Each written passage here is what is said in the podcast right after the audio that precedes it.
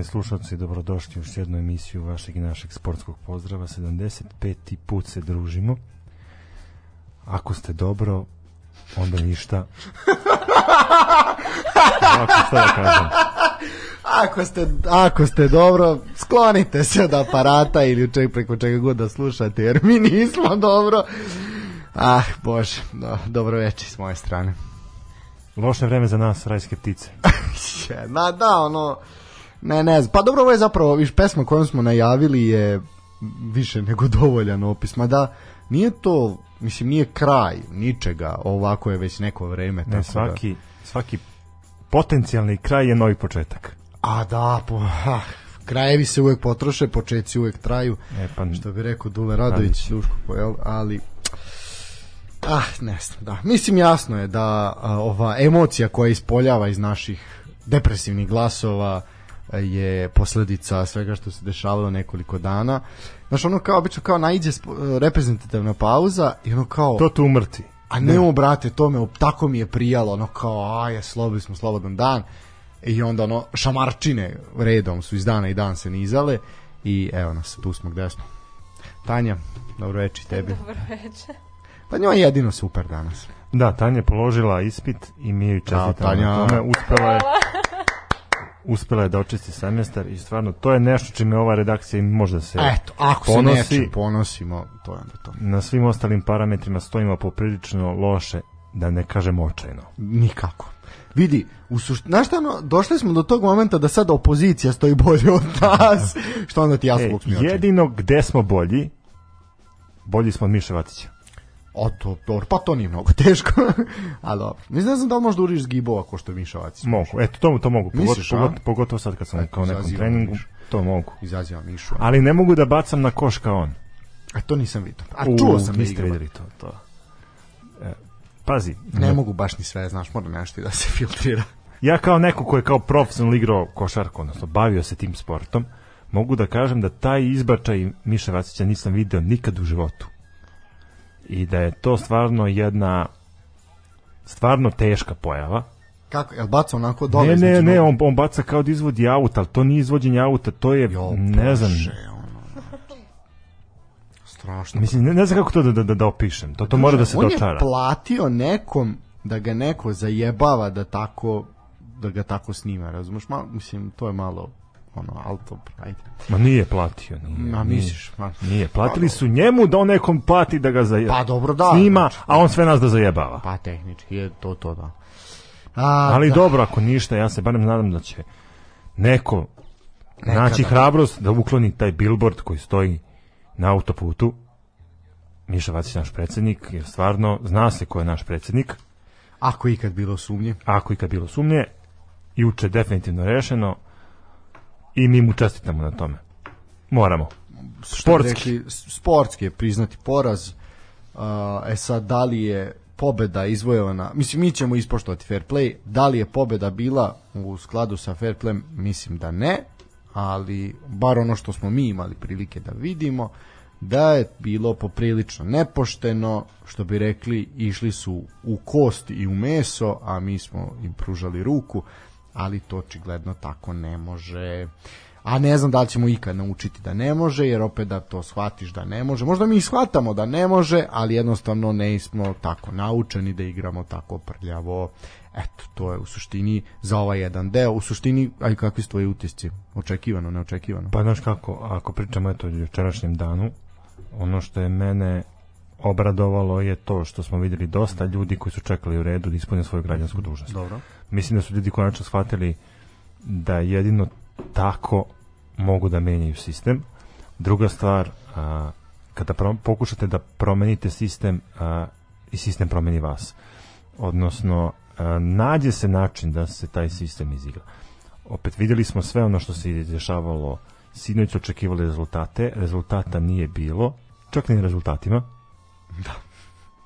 E, to je meni ono kao jedan od većih poraza koje je ova zemlja mogla da, da doživi u tim nekim izbornim ciklusima koji su išli iza nas, da imate a, nekog glavnog ko ne sme da saopšti rezultate, odnosno ko čeka i ko se sakrio. A, vidi, taj pot, ajmo prvo taj potez. da Mislim, po meni to je potez uh, to je potez koji pokazuje da je koliko je zapravo Srpska napredna stranka ozbiljna mašinerija, ne samo propagandna, to smo se svi uverili, nego znači to je jedan ozbiljan sistem, jedna ozbiljna mašina koja je na, či, na čijem čelu jedan ozbiljno inteligentan čovek, da li je on poremećen ili ne, to je sad drugo pitanje, ali definitivno je ozbiljno inteligentan, to se nikad nije ni sporilo. Znači, i jednostavno šta bi se desilo da si ti sinoć objavio te rezultate, a svi su bili videli i gužve, i ovo, i napade, i razbijene glave, i polomljene telefone, i tako dalje, i tako dalje, nepravilnosti i sve i sve, ovaj ceo taj folklor koji ide, šta bi bilo? Desilo bi se da bi narod izašao na ulice. Ti si već imao postavljene kordone policije ispred Republičke izborne komisije, znači negde se to i očekivalo. Ali jedan doktorski potez, šahovski, kad se malo smire, pardon, strasti, kad prespava narod sutra ujutru ili sutra u toku dana, ponedeljak svi već jurcaju kako će preživeti, koliko će biti benzin, dizel i tako dalje, koliko je euro otišao ili pao i onda plus evo ga 60%, jebte se. Tako da, eto, to ti je to. pa znaš kako, ajde. To je taj deo, recimo, prokomentar. Dobro, ja hoću samo da kažem, znaš, da sam očekivao uh, neku doslednost, bar što se tiče tih nekih ono najosnovnijih institucija kada smo u pitanju izbori. To nismo dobili, opet vraćam se na to da je dosta ljudi izašlo na izbore, mislim da je sad svako shvatio da a, mora da utiče na nekog pored sebe, znači da nije dovoljno samo taj jedan glas, nego mora jedan plus Da, jedan, jedan plus pa povedi još dvoje. E, ovaj, ali ja to izgleda da i to nije bilo dovoljno. Sve u svemu ostalo, ostalo je manje više isto, samo se promenio raspored u Skupštini, pa se nadam da nećemo slušati više a, po ceo dan u Skupštini Srbije hvalospeve i a, kritiku upućenu a, Draganu Đilasu. Pa bit će definitivno zanimljivije gledati Skupštinu, jer ćeš sad opet imati sukobe, ući će ovaj, jel, i ova druga, druga strana će ući u ne tako malom broju, znači bit će prisutni, tako da definitivno će se opet drza, dizati frka i polemika i mislim da svakako je to dobro, da se fokus javnosti koliko toliko stavi na rad Skupštine, jer ste vi u prethodnom periodu imali da je većina stanovništva nije bila upoznata kakve stvari Skupština izglasava i šta, šta osim tih hvalospeva, kritika, to ono Ne, što je ti bilo tačno ima, prezentovano. znači imaš da. hvalospeve na, na račun predsednika i na račun uh, vladajući garniture, a kritike na nekog imaginarnog protivnika, protivnika koji, ne koji se zove Dragan Đilas. Pa, da, pritom čovjek je nije bio ni prisutan, sad ne ispada da ga mi branimo, ali to je ona priča koju smo i sa Darkom imali, da je ovo što mi živimo je 1984. Orvelova, a nažalost ne ona prava, ovaj, gde ti se boriš celo vreme protiv nekog imaginarnog neprijatelja i samo će se u jednom momentu preko noći taj imaginarni neprijatelj promeniti i bit će opet ono da smo 100 godina u ratu sa njim. sve u svemu velika izlaznost po meni verovatno i veća nego što je prikazano, ali su problem ti spiskovi koji nisu ažurirani, problem je izdavanje ti koji kakvih ličnih karata koje su se delili ispred birališta. Mislim, to je jedan ozbiljan, ozbiljan sistem koji apsolutno su zapušili sve rupe i koliko god ti probušio neku rupu da možda proviriš, oni će gurnuti prst ili nešto drugo ovaj i zapušiti to tako da jednostavno Pa pazi, ovaj brod može potonuti samo minom i drugačije nikako. svakako su zapušili uh, mnogim kritičarima usta i pokazali su da i dalje Da ne kažem suvereno čime. drže prvo mesto. Pa, ali da li, aj sad budimo realni, da li je iko ikad sumnio da oni neće uzeti veliku većinu? Znači, nije, nije apsolutna, ali ono kao, nije se, mislim da poenta ovih, i, mislim da sad naš doći će do razočarenja u narodu, a mislim da se poenta ne shvata. E, kao što po meni nije shvaćena poenta bojkota od pre koju godinu. Znači, jednostavno naš ono kao nije poenta boj, kao naš svi narod se ono velika velika većina naroda je bilo kao a joj mi sad bojkotujemo kao pa, pa kao naš neće se priznati izbori. Pa to nije niko rekao razumeš nego ga puštaš da se on igra svoju igru ti nećeš u tome da učestvuješ. E sad kad je kad smo učestvovali niko nije očekivao da će preko noći on pasti. Naravno da neće. Ali ono kao što bi rekli početak kraja. Pitanje je da li je početak kraja, ali definitivno ajde da se uđe u skupštinu, makar da se priča, da se nešto uradi, da se nešto pokaže, se zainteresuje masa, da, da onda na sledećim izborima bude bude drugačije stanje. Ima i dobrih stvari u svemu tome, eto, videli smo Borisa Tadića posle dugo vremena. Aj dobro. Mogu ti kažem da je ostario. Nije više kao A, osedeo, a bio već. George Clooney. A, sad je baš propada. Pa dobro, znaš kako, čim nisi na vlasti odmah to... Mada me, zaista onako, nekako mi je ta čudno ta, taj, ta spoj Borisa Tadića i Duška Ujošića s obzirom da znamo da ga je Duško onako poprilično kritikovao u svoje vreme i za onu pomoć zvezdi sa Gazpromom i sve to i ono šutiranje penala čuveno na Marakani i za ono zavrtanje rukava protiv Makabija i to sećamo se da je tu bilo kritika. Tako da me malo iznenadilo da se upustio u priču sa njima a ne na primer sa sa ovim uh, sa Ćutom i sa ekipom iz Ne dajmo Beograda i to nekako malo to moram priznati da mi je da mi je čudno, ali opet Pa znaš kako, eto, videli smo, mislim, vidjet ćemo neka nova lica. E, Skupština će biti poprilično šarena. Imamo stvarno neke pokrete i e, političke partije koji će probati da promene nešto, da, da, da kažu nešto. Eto, e, videli smo i Slavljana, stvarno treba proslaviti kada ulazite u sistem da vas uh, finansira država i da živite na račun uh, poreskih obveznika. Šta da kažem, eto, ovaj, sve o svemu i ovo je sad iza nas. Prošao je taj famozni 3. april, mnogi mogu da odahnu, a mi ćemo da udahnemo. Pa mi ćemo da uzdahnemo, da. A sad neki od nas će i da izdahnu.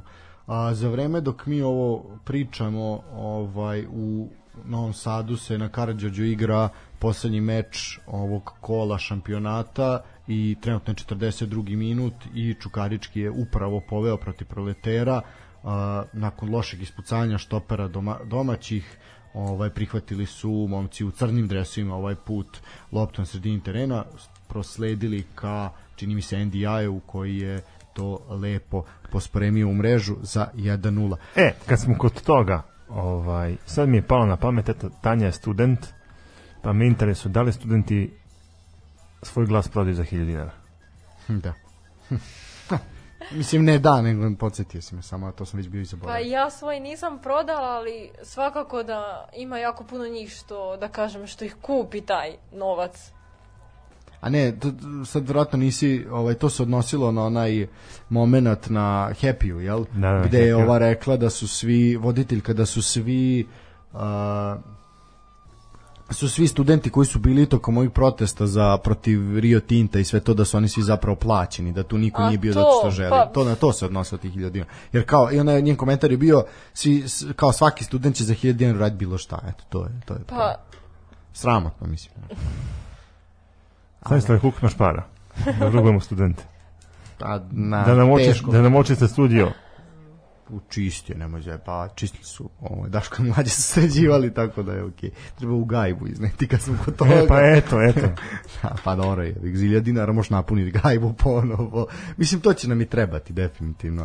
Tako da u suštini, eto, jedna depresija, kolektivna ovaj, melankolija, ovaj, ni ono noća što me ubija, jel što bi rekla poznata. Šta da kažem, mislim, Ako vam je dobro, onda ništa. Ako vam je dobro, onda ništa, ako vam nije dobro, a ne želite da se borite, uzmite pasoš i bežite odavde, a opet ako želite da se borite, ajmo braće onda da, i sestre da se borimo, a mislim sad kao mi treba pričamo o nekom futbolu, koga boli kurac? A, realno, koga boli kurac? A jebote. Ovaj, no ajde, pričat ćemo kako smo išli brzim vozom, eto, može, to ćemo pričati. Ništa, može jedna pjesmica, pa ćemo onda diskutovati. Dove la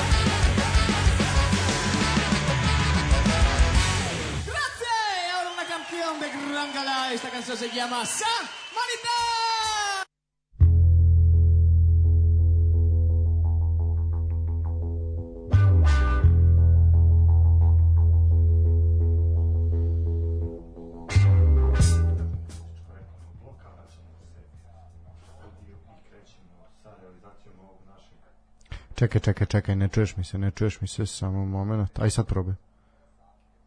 Nakon ovog, A, sad. e, nakon ovog političkog reklamnog bloka vraćamo se redovnim stvarima, odnosno našem sportskom pozdravu i sportskim manifestacijama koje su se dešavale protekli vikend. E sad, ono što je svakako izazvalo najveću pažnju, bar kad je u pitanju futbolska javnost, bio je žreb za svetsko prvenstvo koji se održao 2022. godine u Kataru. Eto, naša reprezentacija, kao što već svi znate, će biti jedan od učesnika, pa da ko- prokomentarišemo taj žreb i da vidimo kakve su nam bili sreće, koga smo dobili, koga su druge reprezentacije dobile, Re, repstacija. reprezentacije. Pa u suštini ovaj ako bi sad pričali ovaj znaš ono kao kad je krenulo to sve izvlačenje i sve prvo lepo je bilo što smo imali Boru Milutinovića kao predstavnika, jel, to je ovako poprilična čast. I za našu državu, a i za futbolski klub Partizana, onda s druge strane imali smo i Lotara Mateusa, jel, ovaj, eto, obojica su bili a, bivši bivši treneri Partizana, a ovaj je bio, Bora je bio igrač, tako da eto, to je s jedne strane bilo to zanimljivo, uh, samo sekundu, da, eto više neko nas zove, traženi smo, u suštini... Trebali ste juče da nazovete. Trebali se da juče da vam zove, sad da si kasno. Ovaj, e, pa ne znam, mislim, da li je žreb bio pošten? Mislim da nekako, s meni u samom startu je to delo, znaš, da će opet biti, imat ćeš grupe koje su, ono, ne nezanimljive, koje niko živi neće gledati, a imat ćeš grupe koje su, što kažu, grupe smrti, gde ono, će se potući tri favorita, ono, ili četiri čak, ovaj, što je onako poprično bez veze, tako da, ne znam, na primjer ta grupa A je recimo po meni nekako najnezanimljivija moguća. Biće tu dobrog futbala, na primjer do Senegal, Holandija, Katar i Ekvador, ovaj, ali A pazi, je... baš za, za čudo Katar u grupi sa oslabljenim timovima, Pa dobro, ajde, Senegal je ono kao, jel, ovaj... Ne, pa- pazi, e, uz dužno poštovanje svih reprezentacija. Zna se na svetskom prvenstvu koje reprezentacije mogu da budu ozbiljne. To su reprezentacije koje dolaze sa južnoameričkog kontinenta i koje dolaze iz Evrope. Pa da, ali Sve- ne Ekvador, mislim. E, sve ostalo je da se nalažemo Zajebancija. zebancija. Pa dobro, ajde, Katar je, oni su osvojili te neki azijski, azijsko prvenstvo nešto 2019. ako se ja ne varam. Ovaj, mislim, naš kao, ako, nepoznanica su, realno, da se mi ne Pa zabavamo. jesu, Osim ali da, dobro, niko njih ne očekuje sad, razumeš, da, da, ali- da naprave bum. Pa ne očekuje, naravno, ali ono kontom da će tu Senegal i Holandija lagano verovatno proći dalje. Ali ne bi me čudilo da prođe Katar. Misliš? Pa, znaš, kao, zemlja domaćini, samo- oni su navikli da guraju. Sećamo se one godine kad je uh, bilo svetsko prvenstvo u Japanu i Južnoj Koreji. Ovaj, pa je isto to što se desilo, razumiješ, da su, da su gurali određene reprezentacije. Ok, to je dobro zbog samog imidža FIFA, jer kao domaćin ima podršku navijača, a, praćenje, to sve što ide, ali ono kao sad pogledaj tu situaciju da oni baš padnu u najlakšu grupu. Jedna od lakših grupa, ajde sad možda i nije najlakša, ali jedna od lakših grupa. Jedini put da domaćin nije prošao u drugu fazu takmičenja iz grupne faze je u Južnoj Africi. Eto, čak si oni nesretni Rusi To je prošli dalje. prošli dalje, Da, znaš, da, oni krš ekipa. Ovaj, baš. Uh, grupa B. Uh, grupa B, Engleska, Iran, Sjedinjene američke države i čeka se taj pobednik iz baraža, jel? A to je u pitanju ova ili Škotska ili Ukrajina. Neko od njih će tu biti. Zamisli padne se Škotska. Znači, Škotska, Engleska, Je- Amerika. Amerika, da, i Iran. E.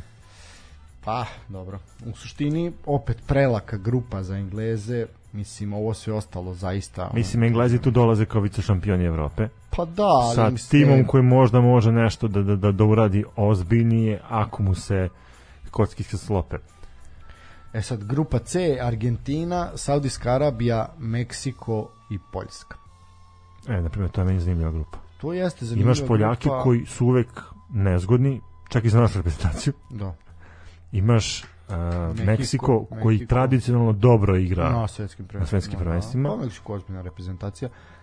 I Saudijska Arabija, mislim koja će tu vjerojatno biti poslednja i Argentina koja je to apsolutni favorit. Ja bih ovde recimo video Argentinu i Meksiko kao prolaznike, pro, ekipe koje će proći dalje. Uh, dobro, grupa D. E sad, grupa D, Francuska, Danska, Tunis i pobednik iz baraža između afričkog kontinenta i Commonwealtha. E sad ne mogu se setim ko je tu ko je tu u toj utakmici, ovaj, ko čeka čeka. Svakako neka reprezentacija koja nije atraktivna. Da. Pa ne znam, eto, Francuzi prvi favoriti za osvajanje prvog mesta u toj grupi. Pa Danci, Danci, mogu da Danci. isprate, eto, ispratili su i našu reprezentaciju Istina. u toj prijateljskoj utakmici. Uh, da onda dalje imamo Nemačka, Japan, Španija i pobednik baraža između CONCACAF i OFK. A, tu bi trebalo da bude, ako ja ne grešim, pobednik iz duela Australija-Peru. Mislim što, a to ako Australija upadne u grupu, pa čak i Peru vidi, to je, to je ozbiljna reprezentacija. Pa meni je ova grupa baš teška. Ovo je poprilično nezgodna grupa, da. Mislim, imaš i Japan, koji je ozbiljna reprezentacija, a i Nemačku i Španiju. Tako da, iš ako dođe ta neka Australija, koja igra poprilično solidno na, na svetskim prvenstvima, Znaš kao, čudno mi je da, da, da vidim Nemci i Japance jedni protiv drugih. Da, i Španija. Znaš, ova, izašla je, dok je išao žreb, izašla je Španija, Nemačka, Japan i je neko je napisao kao nikad ne pitate žene za kilažu, uh, za godine i kilažu, ne znam, studenta za ispite i ovu grupu šta radili u periodu od 1930 do 45. ovaj, tako da, eto. E, grupa F, uh, e, tu imamo sad zanimljivo, tu imamo Belgiju, Kanadu, Maroko i Hrvatsku. Tu se imamo i predstavnike naše lige. Tako je, Milan Borjan je uspeo da se kvalifikuje sa, sa svojom reprezentacijom, reprezentacijom Kanade na ovo planetarno futbolsko takmičenje. Dobro su oni odigrali, ja sam pratio par utakmica i stvarno svaka čast Kanadjanima požrtvovano E sad ono što mene tu zanima u celoj toj situaciji obzirom da znamo kako će biti vreme da li će Kanadjani uspeti da se prilagode na temperature ali To je dobro pitanje, da. ali svakako veliki uspeh za kanadski futbol. Apsolutno. Milan Borin je stvarno čovjek koji je zaslužan poprilično za ovaj uspeh. Tako da mi je drago što eto imamo priliku da ga, da ga vidimo i što će Panini napraviti sličicu sa njegovim. Odnosno više ne radi Panini, sad radi ona druga Ne kompanija. znam, ne znam ko radi. Mislim da je Panini završio sa, sa svetskim prvenstvima. A, dobro, a, e sad Maroko, Hrvatska je isto zanimljiv zato što Maroko predvodi Vahid Halihodžić, nekadašnji igrač Veleža iz Mostara, a nekadašnji trener iz Zagrebačkog Dinama. Tako da je va, popularni Vaha ovaj onako ima status jednog uvažavanja, da kažemo, u Hrvatskoj, tako da će i taj duel biti poprično zanimljiv. E sad tu mora da se raščivija jedna stvar koju sam video da buni ljude, znači e, upoređuje se Vahid Halihodžić sa Borom Milutinovićem. Znači, ljudi u je razlika. Bora Milutinović je pet puta vodio reprezentaciju na svetskim prvenstvima, ali od tih pet puta samo jedan put je prošao kvalifikacije. Sve ostalo, dva put su zemlje domaćini već bili, znači a jedan put je preuzeo reprezentaciju koja se već kvalifikovala i tako dalje. Znači, Bora Milutinović je rekorder po broju u smislu vod, Vođenja reprezentacije koje je vodio, vod- da. da. Ali Vahid Halihodžić je- je sa četiri reprezentacije obezbedio plasman na svetsko prvenstvo. Znači, on je prošao cele kvalifikacije sa njima i plasirao se na svetsko prvenstvo. I nisu ga smenjali tokom kvalifikacije. A, ne tokom kvalifikacija, ali je smenjen dva puta Nakon. Nakon, da. Da, Tačnije, da. Ne, ovo je bila, ovo sam apostrofirao Da. vezano za, za Muslina. Da, da. Ovaj, znači, je, samo je sa Alžirom i sa e, obalom Slonovače, zapravo i obalom Slonovače ga je smenila, ali on bio na bio na sličicama jer se to desilo tipa dva meseca pred, pred početak ovaj prvenstva. Ovaj a eto videćemo da li će sad da li će i sad ovaj zaigrati ili će ga opet opet skloniti. Vidi, E, vidjet ćemo u kom će sastavu Hrvatska da nastupi. to je isto diskutabilno, da. Svašta tu može da se desi, možda malo pomlade reprezentaciju, ali definitivno su jedan favorita za prolaz dalje. Pa da, u ovoj grupi, mislim, Belgija je apsolutni favorit, on će sigurno biti prvi, a mislim da je Hrvatska realno da bude, da bude druga. E, grupa G, a, ta da da da, znači Brazil, Srbija, Švajcarska i Kamerun. G tačka. Bukvalno. E sad, da li ćemo prskati, to ćemo vidjeti. Ovaj, ili će, no, nas, sve u svemu, da, loš, loš fazon jako, ovaj, a eto, ko bi rekao čuda da se dese, ovaj, pa nas žreb u istu grupu odnese, i što bi rekao ovaj komentator RTS-a, pa ljudi moji, je li ovo moguće, a nije Mladen Delić, tako da zaista, eto, ponovo, prilika, realno prilika za revanš. Realno prilika za revanš. Pa. Brazil mnogo slabiji nego tada što je bio, Švajcarska, zna se zbog čega bi mogli da im se revanširamo, Kamerun, ono, ajde. Za Kosovo. Kome? Kameruncima? Ne, ne, Švajcarska. Aha, dobro. Za priznavanje Kosova. A ovo jedan deo Srbije će svakako navijati da razbimo Kamerun, pošto za Kamerun igra Leandre Tevamba, tako da je to neko koga se ne sjeća po lepom. Ovaj... Reci, slobodno. Pa šta da kažem? Šta da kažeš, ti što navijat za Kamerun. ne, u suštini jedan bratski narod, ovaj, tako da eto. Sve u svemu prva utakmica se igra protiv Brazila, to će biti 24. novembar u 20 časova. Iako su čudni termini od igranja, ne znam jesi to malo prostudirao. Pa video sam. Imaš utakmice u 11, i u 5, i u 4, i u 8, i u 10 uveče, čak je, mislim, ono baš je razbacano po cijelom danu. E, znači, rekli smo, Brazil prva od 20 časova, 28. novembra, znači 4 dana kasnije igramo protiv Kameruna, ta utakmica je od 11 ujutru, prepodne, a Srbija Švajcarska je 2. decembra od 20 časova u Dohi i na stadionu 974. Znaš zašto se zove 974? Zato što je sagrađeno 974 kontejnera. Jako lepo izgleda. Svi stadioni izgledaju prelepo, onako zaista su impozantni. Šta mi možemo? Šta misliš da možemo? Traženi smo, Pa traženi ne, smo. ja, da. mi- prvo ja mislim da mi možemo da uradimo dve stvari. Prva stvar je da konačno odigramo neko svetsko prvenstvo onako kako dolikuje. Znači, bez nekog uh, pada, bez neke velike oscilacije. Uh, ima dosta stvari koje su pozitivne u celoj ovoj situaciji odlaska na svetsko prvenstvo, to je da se uh, ponovo stvorila vera u reprezentaciju. Imamo igrače koji nastupaju u vodećim uh, evropskim klubovima. Tu mislim na Tadića, mislim na Vlahovića, a, mislim da će biti poprilično a, teško selektoru da izabere putnike za ovaj mundijal i verujem da će naši navijači pa ono rešiti da da i oni posete a, Katar i Dohu, a ne samo estradni umetnici u momentima kada nema snimanja za Zvezde Grand ili za a, Grand Specijal. A, Šalu na stranu, stvarno očekujemo ovaj, eto, od naše reprezentacije da konačno napravi neki malo zbiljni rezultat. Mislim da treba da se zadovoljavamo nekim trenutnim stvarima i po meni uspeh bi bio i da prođemo u grupu.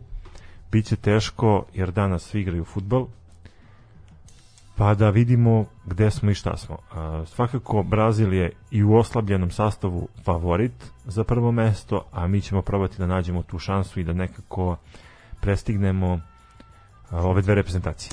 Da. A, dobro, kako komentarišeš izjavu Rigoberta Songa koji je rekao da, a, ne zna ništa. poznaje, ne zna ni jednog igrača iz Srbije. Ja potpuno ga razumem. Zato što Kamerun nije u observaciji ovaj naša liga, tako Ne da samo naša liga. Ne, ne, pritom samo našu ligu. Znači, zna se gde se prati naša liga i naš futbal. Znači, to se prati na Tajlandu, na Dominikanskim ostrvima i odnosno u Dominikanskoj republici, tako da a, Farskim ostrvima ima ljubitelja. I tako dalje, i tako dalje. Dobro, grupa H, to je ujedno i poslednja grupa, Urugvaj, Južna Koreja, Portugal, Gana. Šta Pa eto, ta, ta, ta grupa mi je zanimljiva. Eto, vidimo Portugalce koji su svi osporavali a, nakon onog ispadanja ovaj, od naše reprezentacije, odnosno odlaska u baraž. Portugalci su uspeli da se podignu i da pronađu tu kartu, srećnu kartu preko Makedonaca. Eto, ovaj Cristiano Ronaldo možda i na posljednjem svetskom prvenstvu, Vrlo verovatno. A, ali šta znam, ono, mislim, drago mi je da, da, da bar Portugal tu, kada su Italijani uspeli da kiksnu, eto, bar da vidimo Portugalce. pa nisu ni uspeli da kiksu, nek su ih ovi razbili. Mislim, ono, zasluženo Makedonija prošla dalje. Nema šta.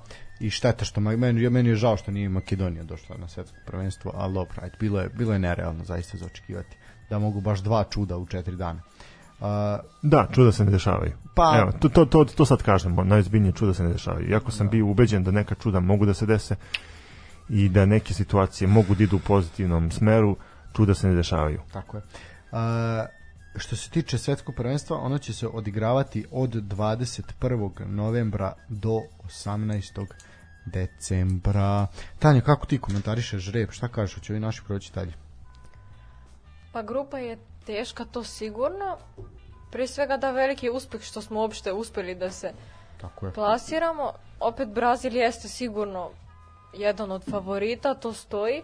Međutim, sigurno da možemo da se nađemo bar na tom drugom mestu. Mislim da sa Švajcarskom možemo da se nosimo isto tako. Dobro, ne znam za jel Kamerun, Kamerun. više? Pa može, ne znam kako je to reprezentacija, ne pratim. ovo sad vraćaš Songu što je rekao da, da ne zna ni jednog naših. Ne, ali ja stvarno ne znam.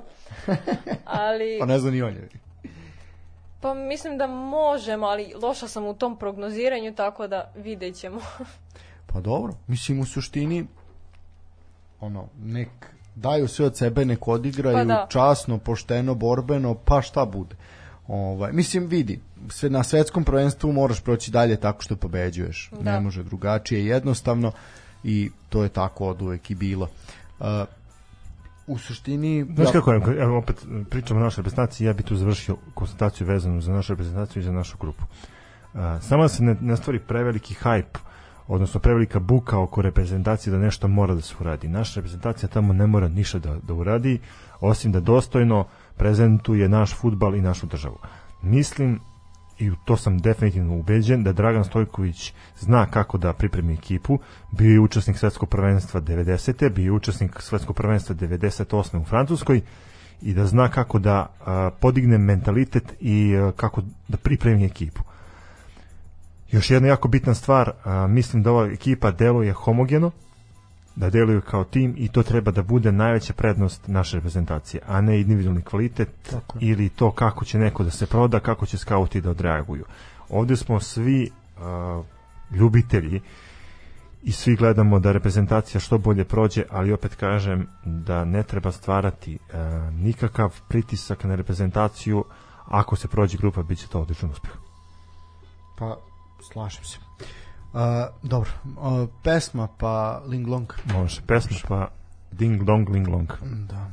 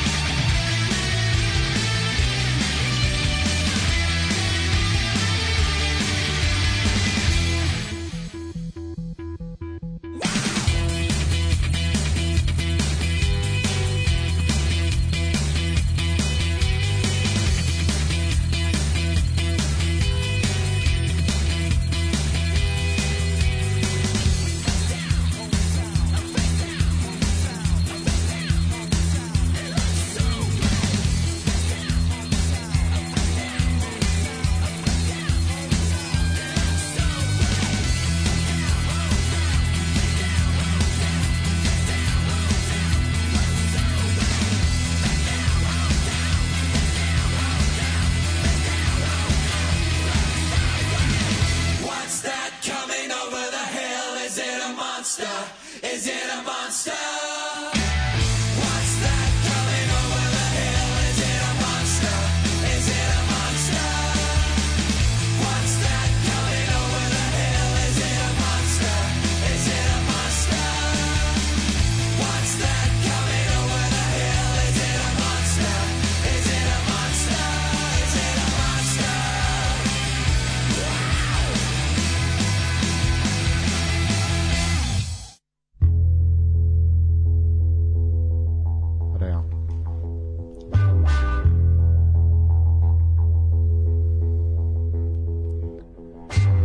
I nakon pauze vraćamo se u program, ovaj put kvalitetno, pošto smo imali nekih malih tehničkih poteškoća tokom... Zašto je otkazalo da... Pa nešto otkazalo.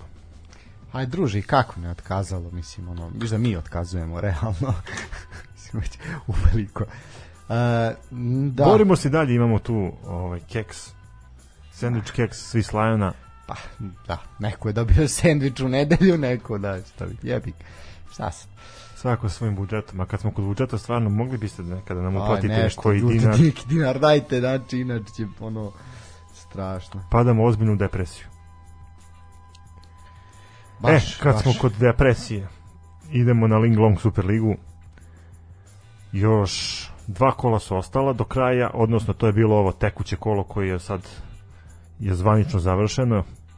Ovaj, evo, imali smo danas dve utakmice, ali ajde prvo da krenemo onom utakmicom koja je otvorila ovo kolo.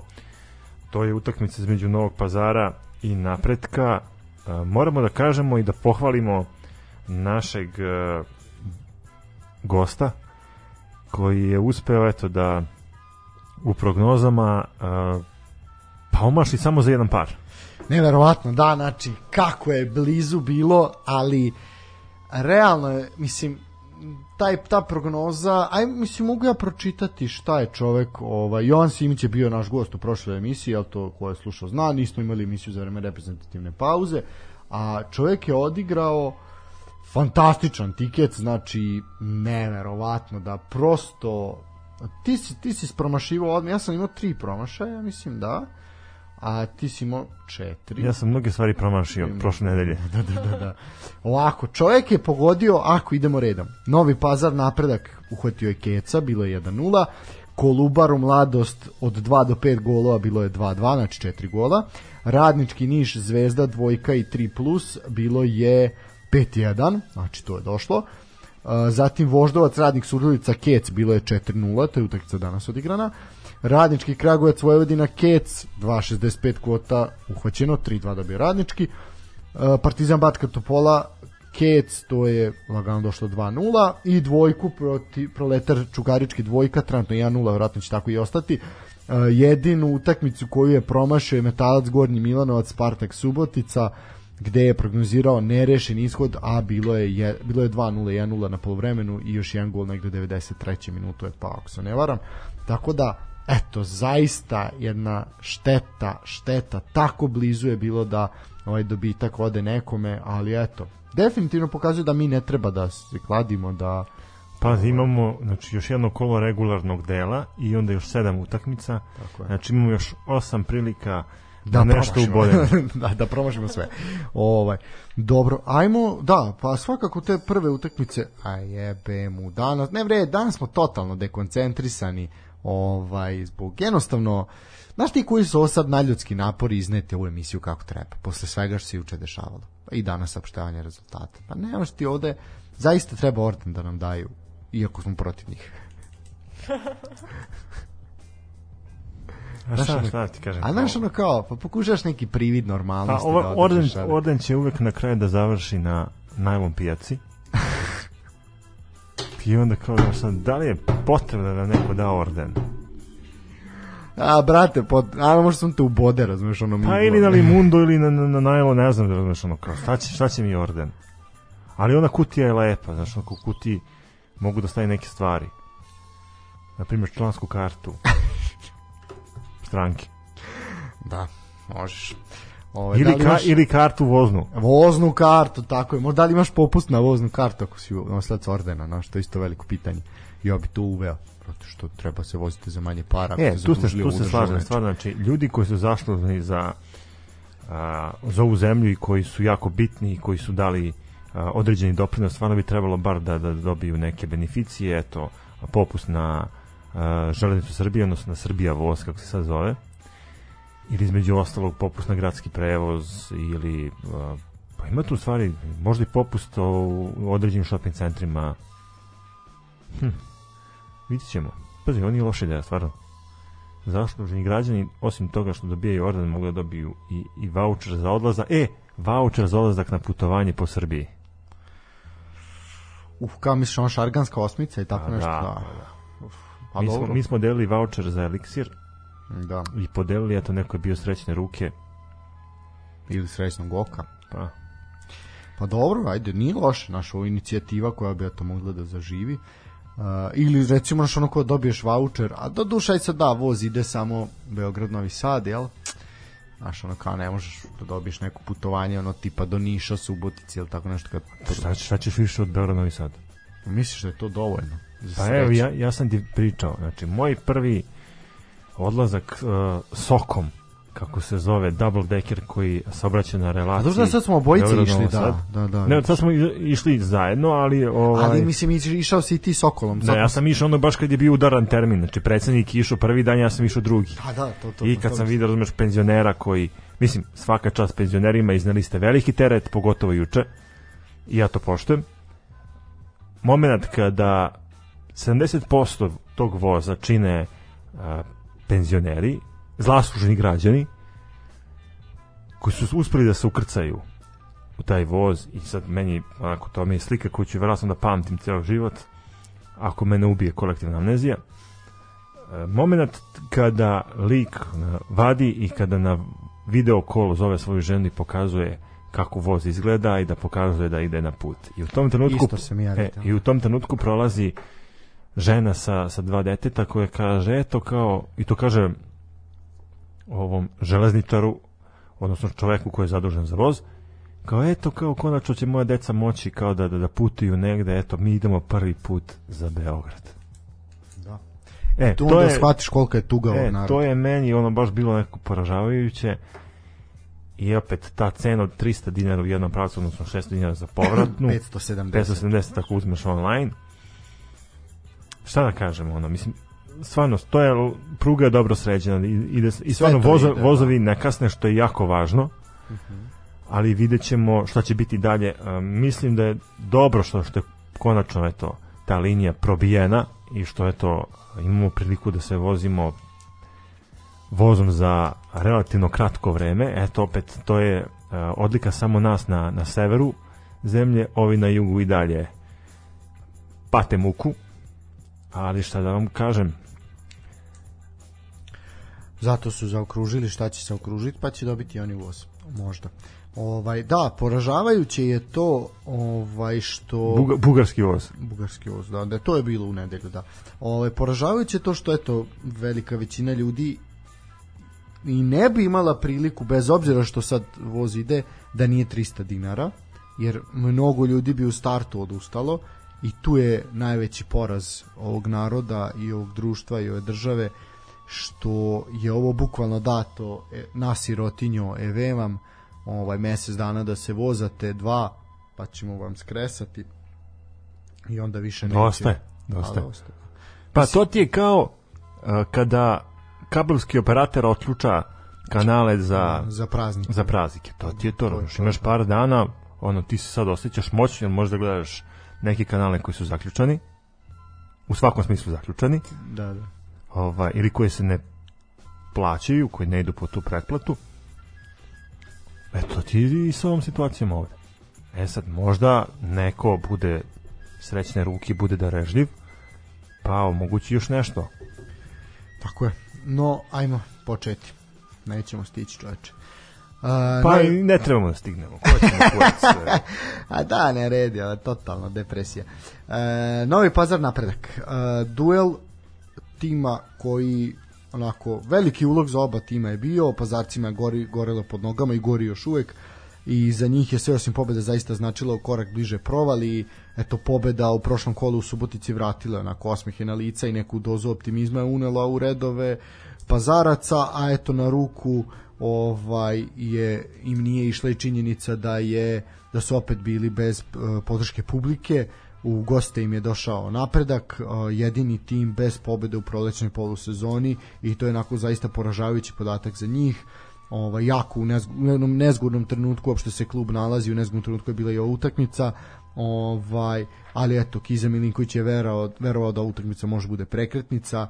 Ovaj napredak je ovaj četiri boda samo u posljednjih sedam mečeva osvojio, ali još uvijek se nalazi u plej-of zoni do igravanja, što zaista imali fantastično proleće.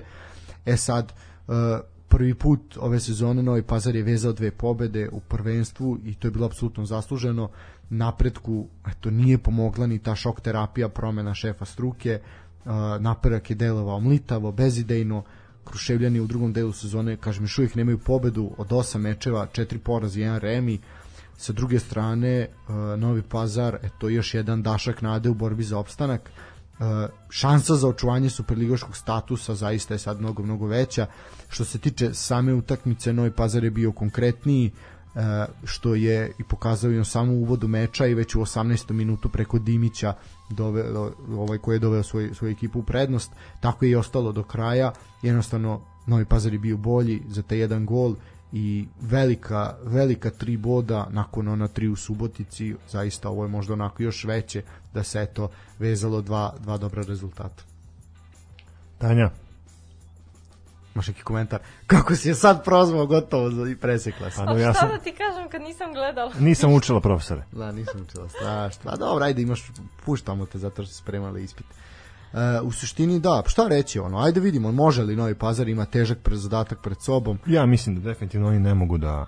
makoliko se Batrgad. Pa nema šanse to. Mislim da, da, da definitivno svima da su jasno najnekvalitetnija ekipa. imaju probleme što U u igračkom kadru, što u finansijske ova sezona njihova to je to. To je to. Uh, napredak isto tako ono prvi deo sezone bio fantastičan, pričalo se o mogućoj Evropi i onda A mislim da je za napredak uspeh da uđe prvih osam ekipa da igra taj play-off. pa i to ako osta, ako ako nastave biće gusto. Uh, u suštini to je to. Uh, pričat ćemo ajde o, o ko se s kim su, susreće u posljednjem kolu na kraju.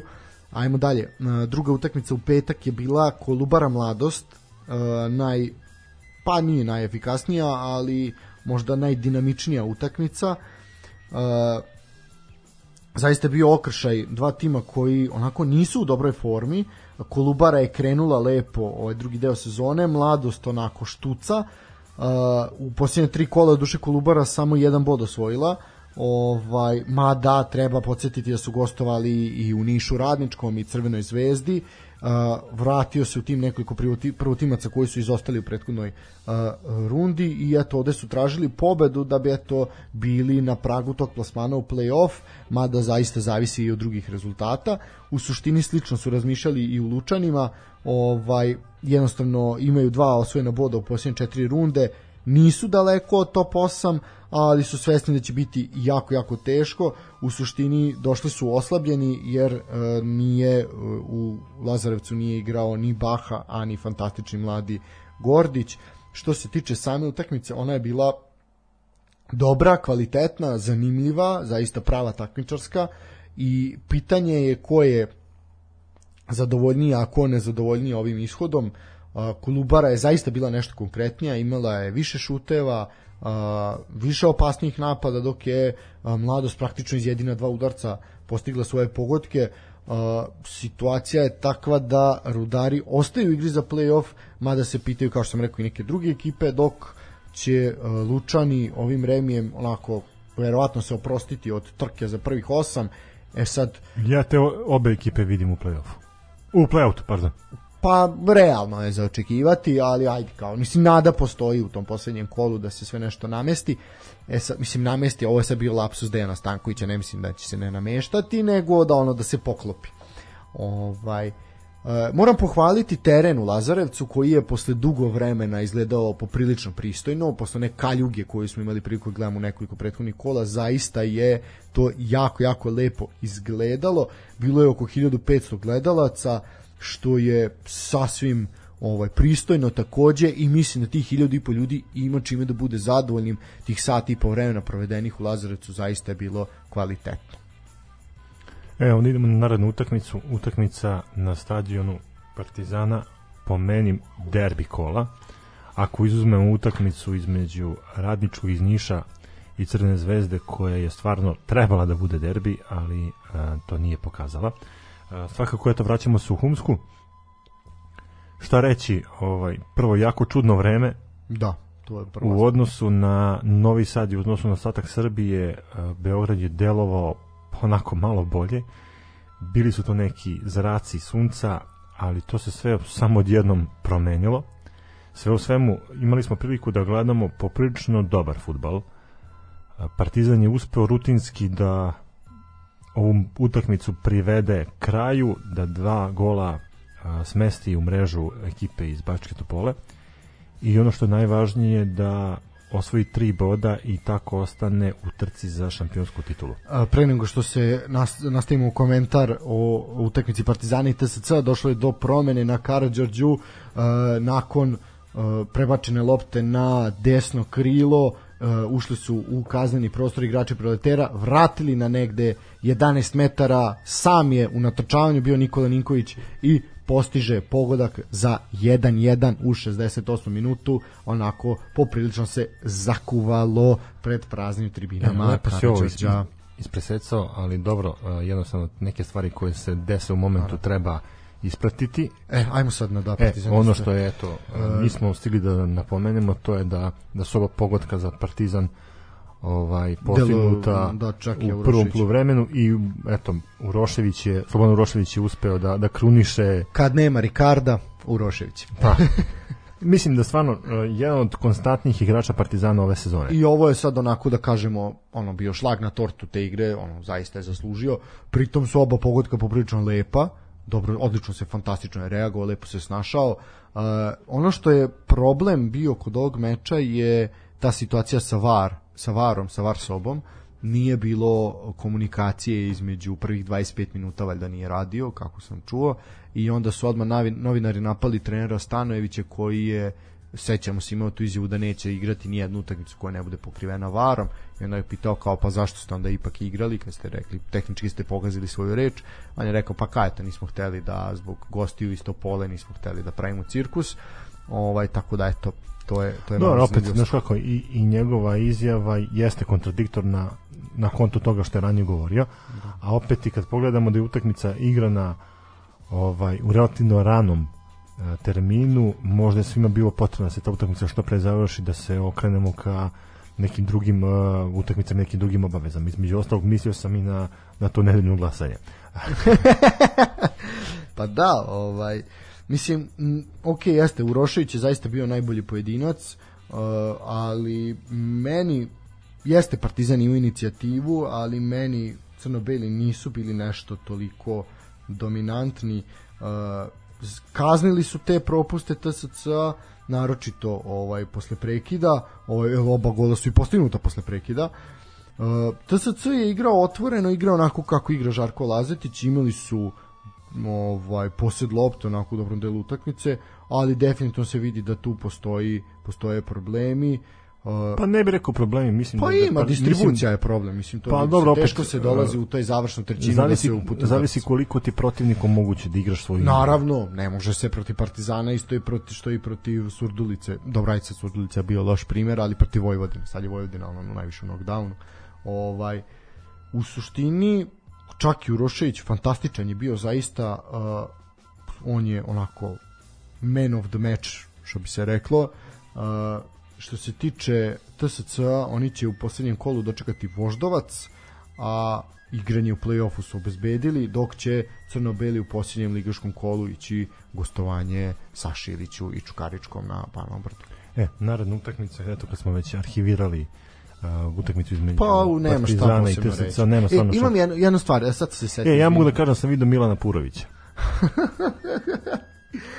koji izgleda postao neki menadžer. jeste, mislim da jeste. Da, i vidio sam ga u društvu onako dva, a znaš li koga, ne znaš čiji igrač. Pa ne znam, ali sam vidio u društvu dva gospodina onako uh, tamnoputa koja su stvarno, moram da priznam, ovaj, bili iznenađena situacijom na, na, na stadionu i eto, samo činjenicom da je Slobodan Urošević postigao dva gola, ali e, i činjenicom da je u momentima kada je bila pauza između prvog i drugog polovremena krenuo takav pljusak, jednom momentu se osetio i grad, tako da stvarno onako neprijatna, poluvremenu je tu da, kao da, led, da, ne, da. neprijatna situacija, ali eto, na kraju ta kiša je uspela nekako da se iskontroliše i da prestane da pada, pa je Tačno utakmica početkom drugog pa da, pa je utakmica uspela da se nastavi. Dobro, uh, idemo dalje. Uh, radnik, e, da, ovo što sam hteo da opet sam... Uh, ja bih zabranio TSC-u da igra u onim Da, zelenim da, drago mi što Znači, si pomenuo. To sam pomenuo šest puta dok smo bili na stadionu, znači ono ne liči ni na šta. Ne razlikuješ ih od boje trave. Kolubara ima tamno zelene dresove sa crnim prugama. Ovi su svetlo zeleni, identični su kao boja trave. Problem, još sa belim šorcevima, znači ne razlikuješ ih.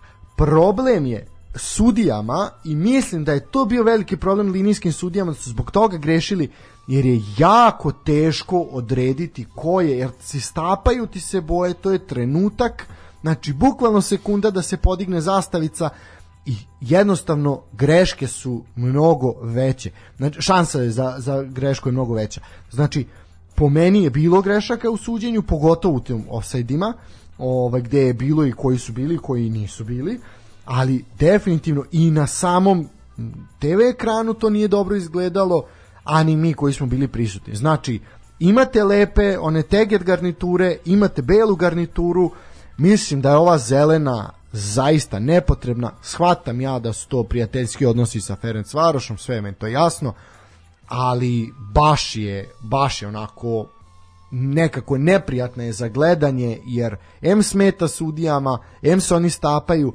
i jebi ga kad on leži onako u onom svetlo-zelenom dresu ti ne znaš da li je to krtičnjak ili je, ili ono Đuro Zec ovaj, koji je duše Vijetnamu, ali nema se ovaj, svacio se pojem E, Vjetnamci su zeleni.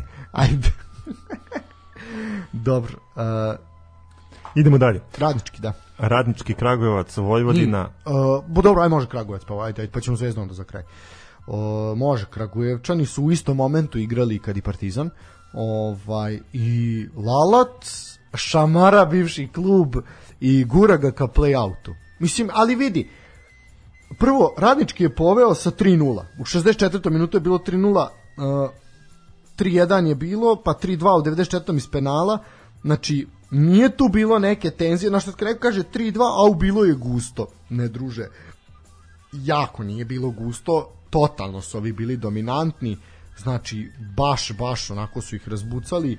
Vojvodina ozbiljno ne zna gde udara, Vojvodina ako ovako nastavi, bit će u ozbiljnom problemu. U ozbiljnom. Pa mislim, ono, oni su u problemu već duže vreme. Nekako taj Mislim, problem... bit će u problemu da neće ući u play-off. Pa da, ali nekako taj problem ne vidi nekoj, nekom boljitku.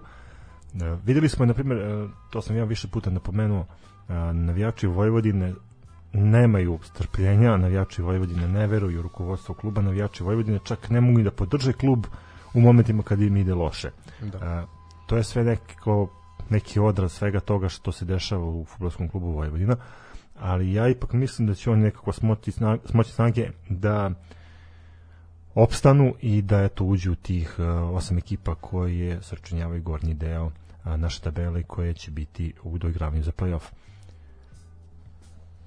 Što se tiče same utakmice, e, Kragujevčani ovom pobedom ovaj, su zaista korak bliže opstanku, mada ima još osam utakmica do kraja i koliko sam ja shvatio cilj Kragujevca, uopšte radničkog, je da ne bude na 13. i 14. poziciji na kraju, jer znamo da će te dve ekipe igrati play-off, da, da. bara, ba, play-off ili baraž, ajde kako god, ovaj, za opstanak sa uh, treće, treće plasiranom i četvrto plasiranom ekipom iz prve lige i oni jednostavno to ne žele sebi da dozvole, gledat će znači da budu minimalno 12.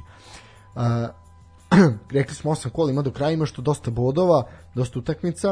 Uh, onako, Vojvodina je zaista, rekao sam, tek u finišu uspela da ublaži taj poraz i onako makar da onome ko nije gledao utakmicu to predstavi kao da to nije bilo tako strašno, međutim šesti vezani poraz je strašan i utakmica sa Proleterom sledeće nedelje odlučuje da li će se biti u gornjem ili donjem delu tabele i ovo će biti jako zanimljivo za gledati jer je i Proleter u sličnoj situaciji tako da biće tu onako novosadski derbi bi mogao da ovaj put zaista bude vatren ali o tome ćemo više kad se bude dešavao. Što se tiče Lalatovića i Radničkog ekipa, posle dva vezana poraza je ušla od serije od četiri pobede i dva remija, iako se ja ne varam, ovo su prva dva primljena gola a, ekipu iz Kragujevca od kako je Lalatović trener ako se ne varam, a možda sam i pogrešio. Što se tiče strelaca, Vidović u šestom, pa onda veteran Mirić u 34. e, Neca Tomić iz penala u 64. Bojan Matić je smanjio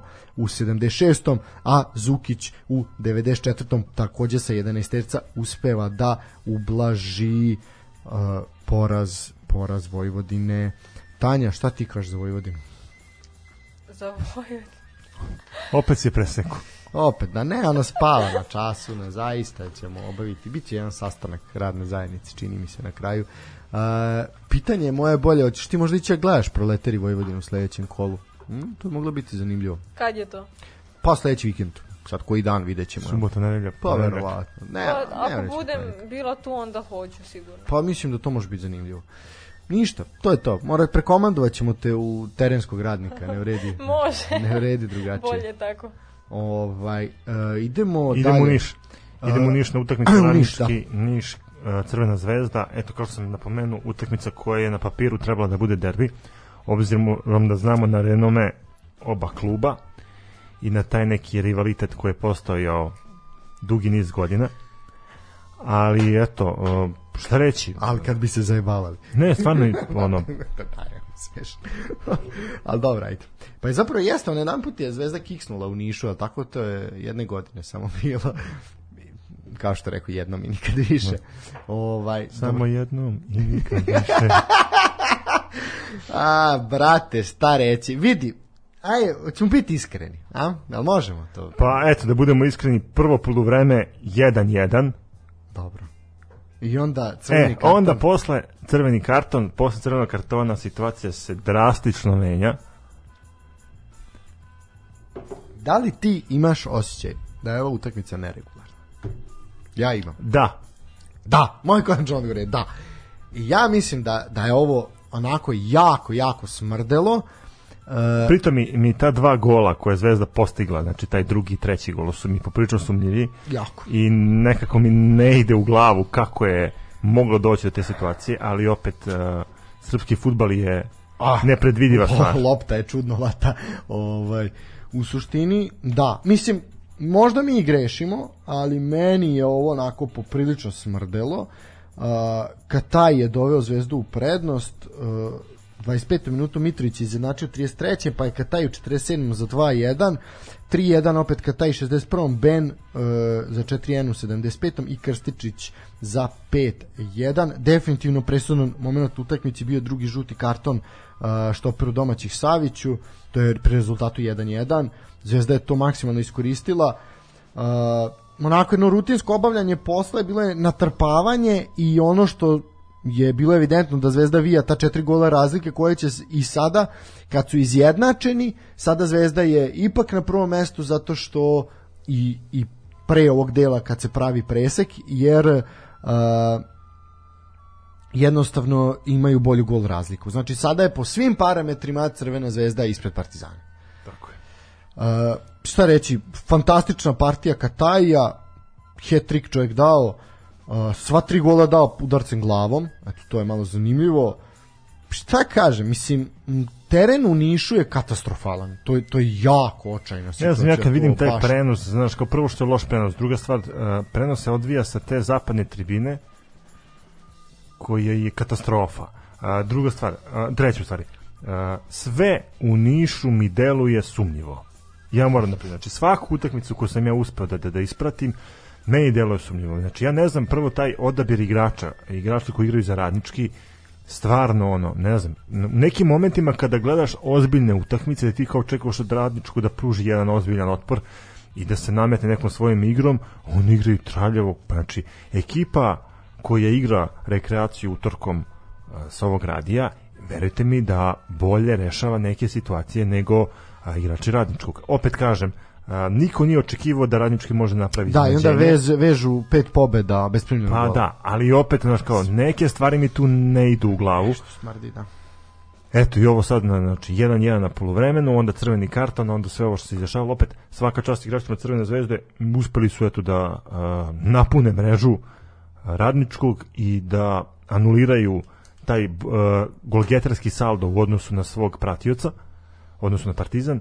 Trenutno su prvi, eto ulazimo u poslednje kolo koje će biti poslednje kolo regularno, koje će biti poprilično interesantno da vidimo sa kojim ćem uh, sa kojim ćemo timovima imati prilike da da ono radimo. Taj prenos uh, play-offa, play-outa, ali svakako ne znam šta da kažem, meni je utakmica mi je delovala onako baš uh, sumnjivo i to je sve što imam da kažem. M je utakmica sumnjiva, M je teren bio očajan, znači onaj vetar je duvao, mislim, zaista je teren jeziv i onako u, vidi mladost koja igra prvu ligu ima kvalitetniji teren nego radnički. Po Pa i meni Kabel, onako, i Kabel. Pa, pa svaki prvoligaš. Po meni ovo zaista zaista nije smelo da se igra u onakim uslovima i nije to samo sad, to je tako već neko vreme su zaista katastrofalni uslovi, pričali smo se sva, zidovi padaju u slačionicama da se zaista svašta dešava uh, u Nišu, ali ovo je onako jedna zaista slika celog tog kluba i, i stanja u kom se on nalazi. Uh, hoćemo u Pa poslednja utakmica koja je bila na repertoaru taj u vikend subotu, da. bila je utakmica između Metalca i Spartaka. E, pa u suštini derbi donjeg dela tabele, Metalac je bio bolji od Spartaka, Spartak u šesti poraz u posljednjih osam kola, Metalac posle četiri vezane utakmice bez pobede, konačno osvaja ceo plen i onako sa dozom optimizma dočekuju odlučujuće bitke za opstanak. Izvesno je da će oba tima biti u play-outu, ali je onako nezahvalno da vidimo ko će ostati i bit će mi poprilično žao ako ispadne bilo koja od ove dve ekipe jer mislim da to nisu zaslužili i da e, organizaciono strukturalno kako god to ćete istorijski po svemu ne pripadaju prvoj ligi po, po stadionima, po svemu, jednostavno po terenu koji je sada i u Subotici izuzetno pristojan. Dobar, dobar, dobar teren Subotici. Da, re, mislim renoviran je. Mislim da zaista ni jedna ni druga ekipa ne treba da se nađu u prvoj ligi Srbije.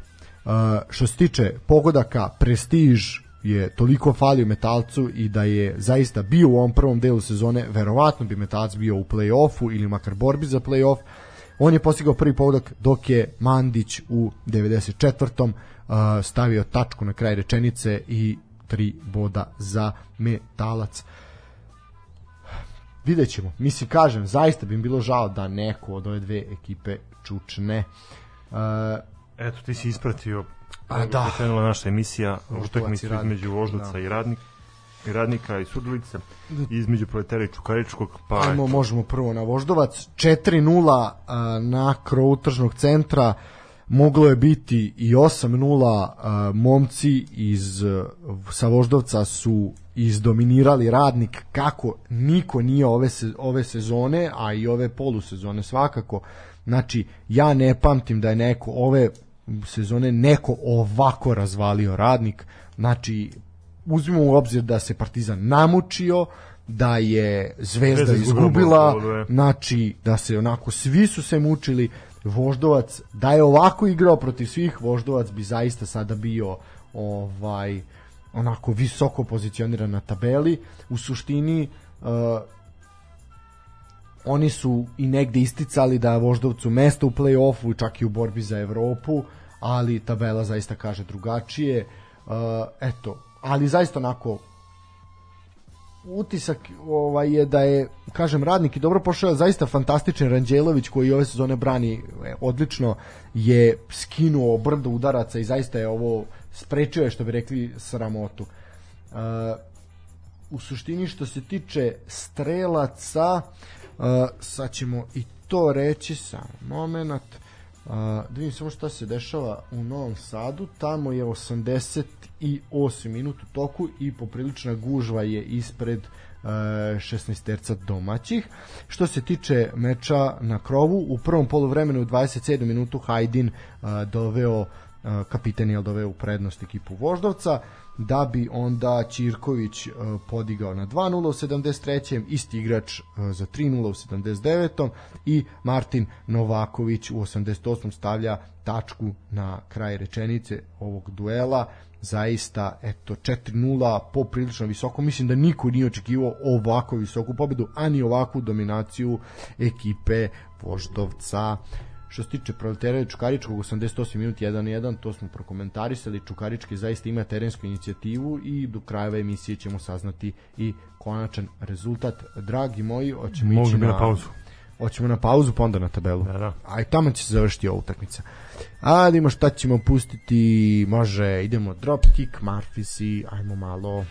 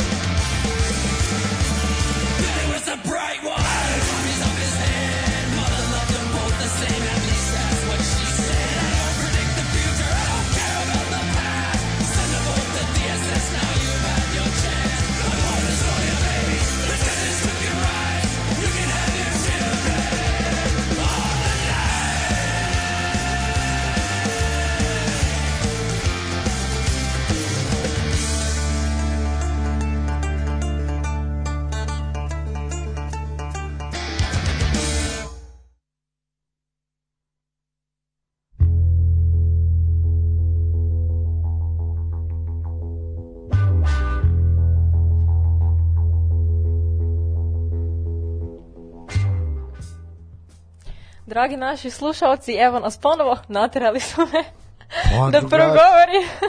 Drugačije ne može. Ovaj, idemo sada na tabelu, da i to malo prokomentarišemo. I na, najavimo naredno kolo, jel? da, i to. To isto. Ovaj, e, dobro, e, Tanja, kaži mi, odakle ćemo? Hoćemo od gore dole krenuti, šta ti Ma, od prvog ćemo. A, pa naravno da je rekla prvo, konačno je dočekala. Ajde, molim te, ko je na prvom mestu? Nije Miša Vacić. Nije Višaci, da, na bio. prvom mestu je Crvena zvezda Dobro, koliko, šta kaže? sa 78 bodova, Mhm. isto kao i Partizan, Dobro. ali gol razlika je sada drugačija. Pa sad je, da, Zvezda je u prednosti, jel sa gol razlikom. Identičan je skor što se tiče, znači obe ekipe imaju 25 pobeda, po 25 pobeda, 3 nerešena i jedan poraz. E, ništa, m, oko ostane ovakva situacija, definitivno je Crvena zvezda domaćin 16. aprila i na tom derbiju koji će odlučivati definitivno prvaka. Ajde, dalje možemo. Onda na trećem mestu Čukarički sa Jedina ekipa, da. 53. Oni su sigurni On, ovde. njima ne može niko ništa. Mislim, oni ljudi igraju za sebe, ne mogu ni gore ni dole i oni će ostati tu gde jesu, najverovatnije. I sasvim zasluženo su tu. Onda Voždovac na četvrtom mestu sa 40 bodova, isto kao i Radnički. Dobro. Radnički je da peti, radnički iz Niša je peti. Da, A, I sad tu kreće onaj niz klubova koji su svi na dva da, boda. sve bod, da, dva boda. Onda TSC sa 38, Vojvodina sa 36, S tim da Vojvodina se crveni, znači sve vezani porazi. Znači, Vojvodina ima 13 poraza za- do sada ovaj, sakupljenih, što je poprilično jezivo. Onda Kruševac sa 34, isto kao i Kolubara. Da, s tim da Kruševac se nalazi u play-off zoni zbog bolje gol razlike, Da, oni su a osmi. Kolubara je, Kolubara je deveta. Da. Onda Mladost je na 10. mestu sa 33 boda, Radnički isto sa 33 na 11. Spartak na 12. sa 31. I onda Radnički iz Niša sa... Ne, ne, Kragujevac. Ne, Kragujevac Kragujevac. je to da. Sa 30, čekaj, ovo je tri- da, 30, onda Proletar sa 29, Metalac sa 27 i Novi Pazar sa 25. I ovi dole su dosta blizu. Pa sve je to blizu, mislim, vidi. Ajde sad, ako ćemo realno, znači, Stefane, hoćemo aj pročitati, možemo mi smo pročitati prvo parove, pa onda da prognoziramo. Tako je, da. Ajde. E, Znači, idemo raspored za e, 30. kolo regularnog dela takmičenja. Znači, Poslednje ovako. regularno kolo. poslednje regular i onda kreće cirkus koji više niko neće da isprati. E, ovako, znači kolo kreće devetog, a devet je, koliko se ja ne varam, subota. Da. 9 je subota, znači igra se 9. 10. i 11. I bio si upravo. 11. u pola 7 Vojvodina Proleter, znači uživo emisiji ćemo pratiti pratiti dešavanja sa Karađorđa, a možda ćemo poslati i našeg izveštača da bude na licu mesta. No, Pazi, a- kako se ponela večeras, stvarno razmišljam da, da, da je pošaljem na, znači na bude teren. kiša, sneg, ali rekli su lepo vreme sad ono, tako da... Uh, dobro. Ti Uh, ćeš lepo vreme, majke ti. a? Lepo vreme. Koje je lepo vreme? Pa bit će sledeće, nisu rekli se 20, sutra 20 stepeni već, dečko. Pa nema sad, pa kod pa otoplilo je bre u Srbiji, šta hoćeš bre, gotovi su izbori, sad je zlatno doba, nastupa ponovo. E, moj dečko, ni ne shvataš da će nam biti, da će nam biti bolje. Hoće jedan kurac. jedan je gotovo na Karadžođu i sad imamo kompletirane rezultate. E, možemo na kolo. Znači, u subotu 9.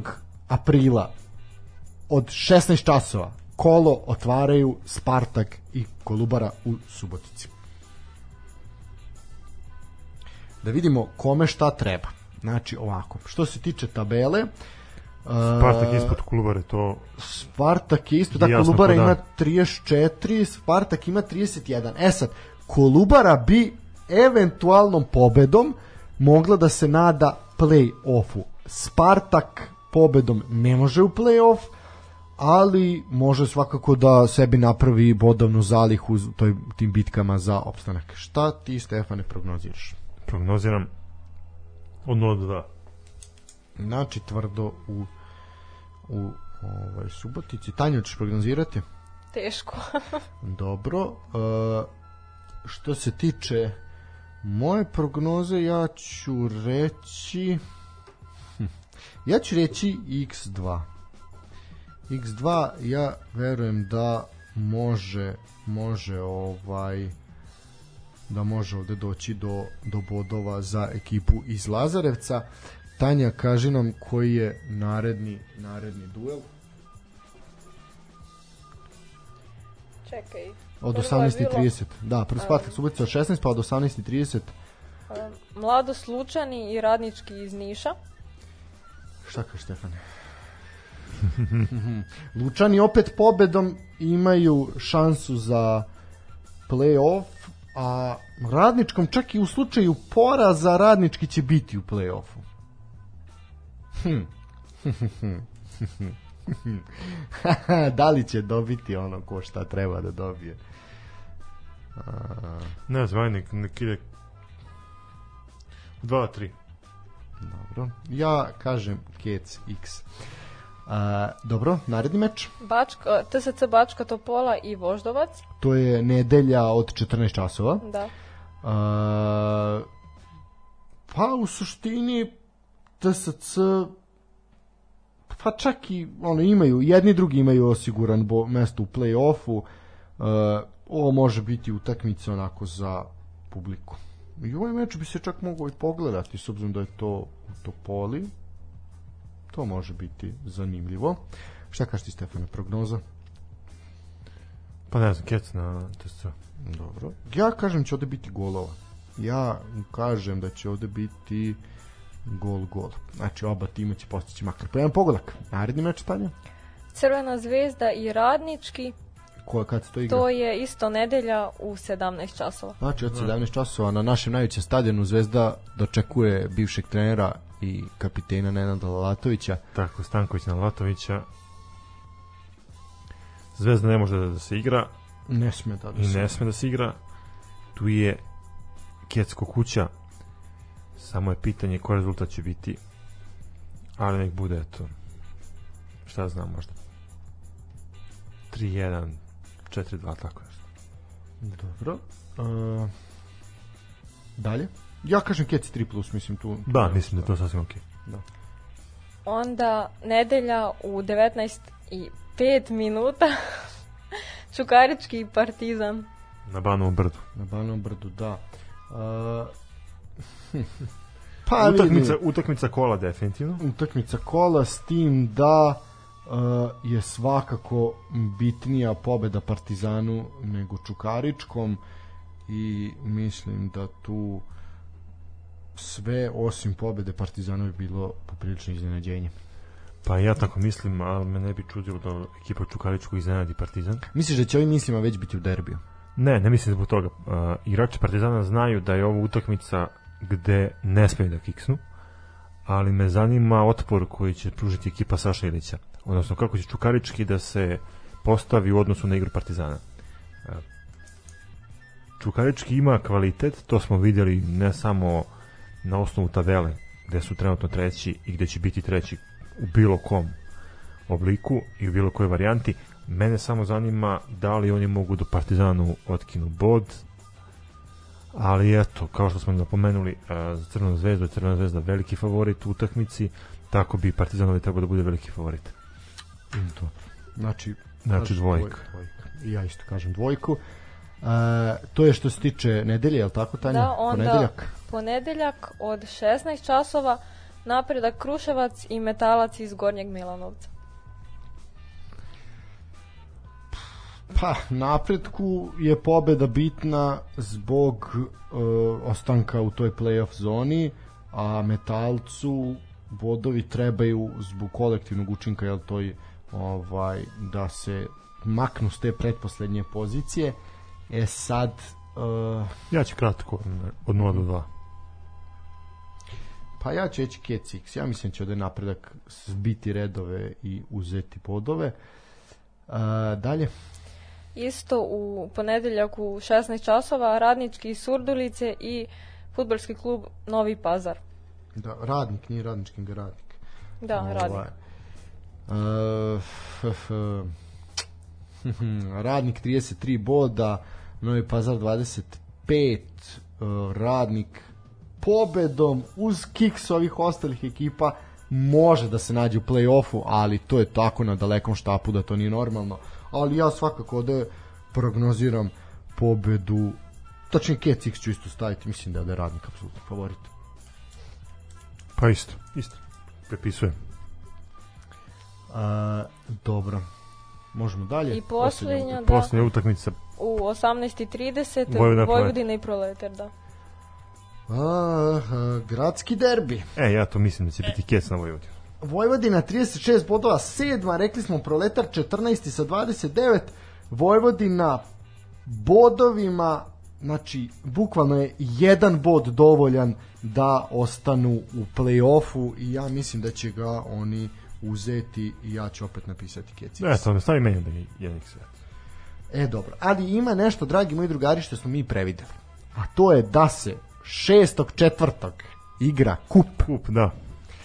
A, što se tiče kup utakmica, znači 6. četvrtog u sredu sastaju se, znači četiri utakmice su na programu, sve se igraju šestog, od 16 časova Novi Pazar Metalac. E, ovo sad ni jednima ni drugima ova utakmica nije trebala u ovom momentu. Tu se slažem. Prioritet je prvenstvo, Jer se zakuvalo, Zakuvalo. jednima i drugima.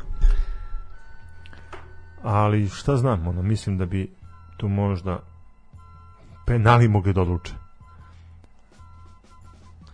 Misliš? Znači će biti do X-a ići. Pa x nek bude. Eto, x na 90 i na penale nek prođe metalac. Dobro, znači X. Ja ću reći da bi ovde mogla biti goleada i ja ću reći gol go 3+. plus. E, od 17 časova u sredu Partizan dočekuje Loznicu. Superligaš protiv prvoligaša. Nemamo čemu da pričamo. Znači, sve osim pobede Partizana predstavlja ogromno iznenađenje.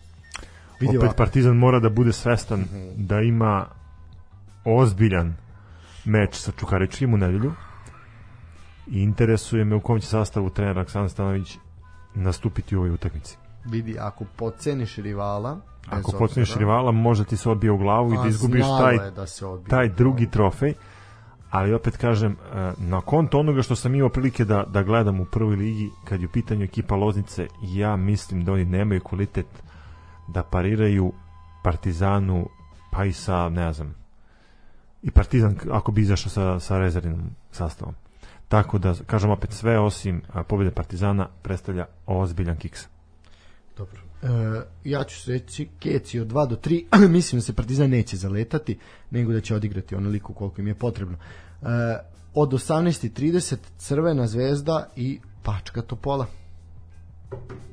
Može li Lazetić da poremeti Crvenu zvezdu i E, na primjer, to je možda jedina utakmica koja zavređuje pažnju kad su u pitanju ove utakmice kup takmičenja. još jedna četvrta, ali ajde. Pa jeste, mislim, u suštini Zvezda juri tu duplu krunu, odnosno Pa da. gleda da ponovi uspeh uh, od prošle godine. I mislim isto kao i vezano za Partizan, obzirom da se igra protiv TSC, pa možemo da očekujemo kao da TSC napravi neko iznenađenje, ali opet ja kažem, Zvezda je mnogo kvalitetnija ekipa uh, i mislim da takav kik sebi ne sme da dopusti. Dobro. E, šta znači, šta još Keca, jel? Pa da. Uh, ja ću 53 plus. Uh, od 18.30 Rad i Vojvodina na banjici. A, uh!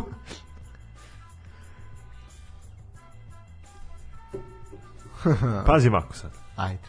Isto kao što sam rekao za, za Partizan, to važi za, i za ovaj par. Vojvodina Superligaš, rad prvoligaš. Rad kome u prvoj ligi baš nešto i ne ide kako treba. Pritom Vojvodina koja je u raspadu sistema i koja gleda da tu utakmicu koju ima u prvenstvu sa proletarom odradi na najbolji mogući način, odnosno da ne izgubi. Mislim ovde da igrački tu su negde, ali da bi trebalo Vojvodina individualnim kvalitetom da odskoči, odnosno da prođe u narednu rundu. Prednost svakako u Vojvodini, ali me ne bi čudilo da ovde možda dođe i do, do iznenađenja, odnosno do tih penala. Napominjamo da nakon 90 minuta nema produžetaka, već se izvodi nesterci. Šta kaže, šta je prognoza? Pa eto, ono, bit ću, ajde, a, lokal patriota, pa ću reći a, da očekujem pobedu u Vojvodini. Ja ću staviti 3+, plus, ja očekujem ovde golove, ne zato što su nešto kvalitetni jedni i drugi, nego što ekstremno greše jedni i drugi, pa verujem da će biti pogodaka na obe strane. Uh, u suštini ovim smo zaključili prognozu četvrtfinale kupa, reći ću samo da se polufinale igra 11.5. od 14 časova, a finale 26. maja od 20 časova. Uh, to bi bilo to što se tiče uh, najave kola i tabele i kupa. Uh, ja predlažem da pustimo još jednu pesmu pa da onda se malo ili ćemo odmah ići na prvu ligu Hoćemo, hoćemo. ajmo odmah na prvu ligu prokomentarisati uh, pa onako zanimljiva zanimljiva dešanja u prvoj ligi uh, šta ti imaš da ovaj kao zvanični predstavnik jednog kluba imaš da izjaviš povodom dešavanja Pa reći ću kad za to dođe vreme, odnosno nakon muzičke pauze. A idemo ipak na pauzu. Dobro, ajde nešto kratko onda da pronađem. E, može, evo nešto kratko, ajmo pa ćemo onda na prvu ligu i imamo još jednu temu jako bitnu za kraj, a to je odbijanje da se pridrži zastava.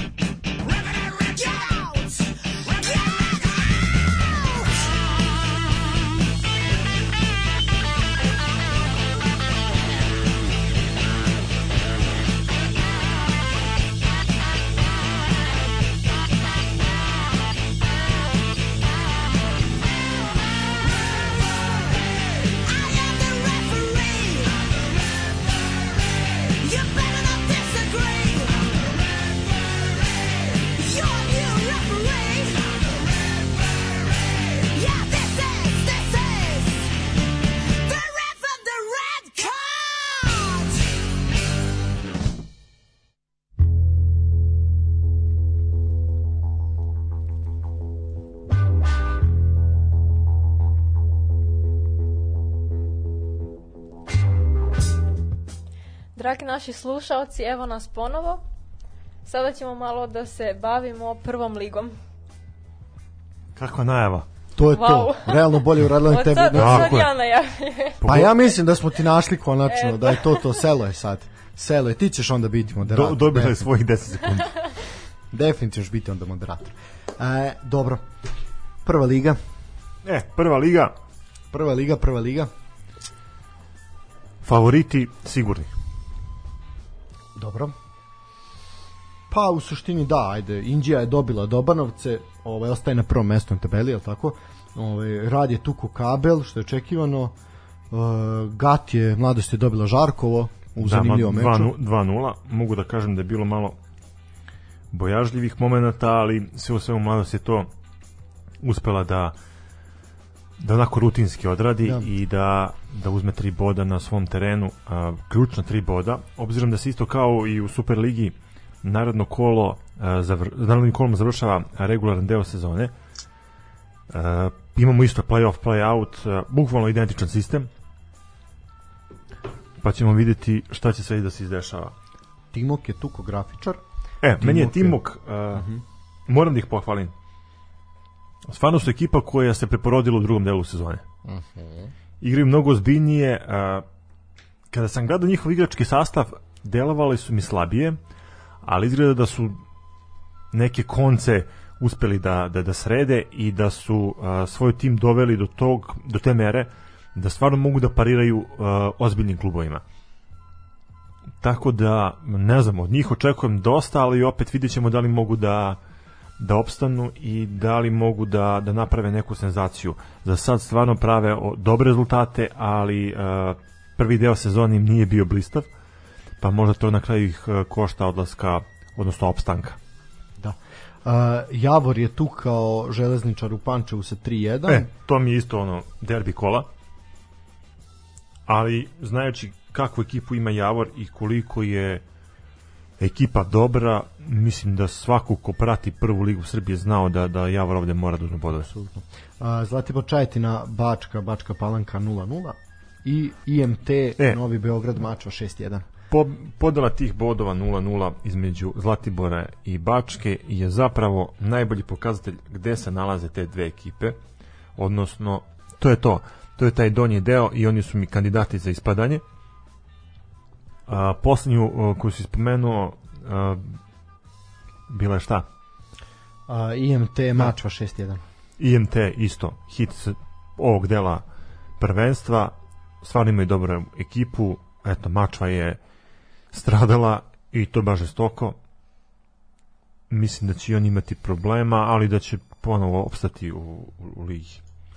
A, dobro, e sad, uh, ovde što se tiče narednog, narednih ko, narednog kola, imamo prvu u sredu za ostalu utakmicu između Bačke i Grafičara, u sredu od 16 časova. Da, to to je- je to je- utakmica 27. kola koja nije je, bila da. odigrana. A u sredu od 18 časova i Javor dočekuje Zlatibor iz Čajetine kao za ostalu utakmicu 24. kola. A, što se tiče 30. kola, Bačka Timok, Grafičar IMT, to mali beogradski derbi, Indija Železničar u Indiji, Javor Kabel, Mačva dočekuje mladost, e, Rad Loznica, Mitrovica, Sremska Mitrovica, Zlatibor Čajetina i Žarkovo, budućnost Dobanovci. Uh, možemo kratko i na tabelu pa ćemo prokomentarisati kome šta treba. Uh, Indija je prva sa 58, Indija je obezbedila učešće u tom play-offu, Mladost je druga sa 56, takođe oni će nastaviti da se biju međusobno za to prvo mesto.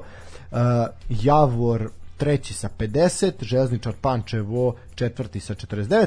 E sad, to su prve četiri ekipe koje su definitivno obezbedile play-off prve lige. Ekipe koje nisu obezbedile play-off prve lige su na petom mestu IMT sa 46, na šestom Radnički Sremske Mitrovice sa 43, na sedmom Loznica sa 41, na osmom Žarkovo takođe sa 41, deveta Mačva 38, Mačva je jedini tim iz play-out zone koji ima šansu da nastupa u play-off zoni, u naravno ako se poklepe rezultati.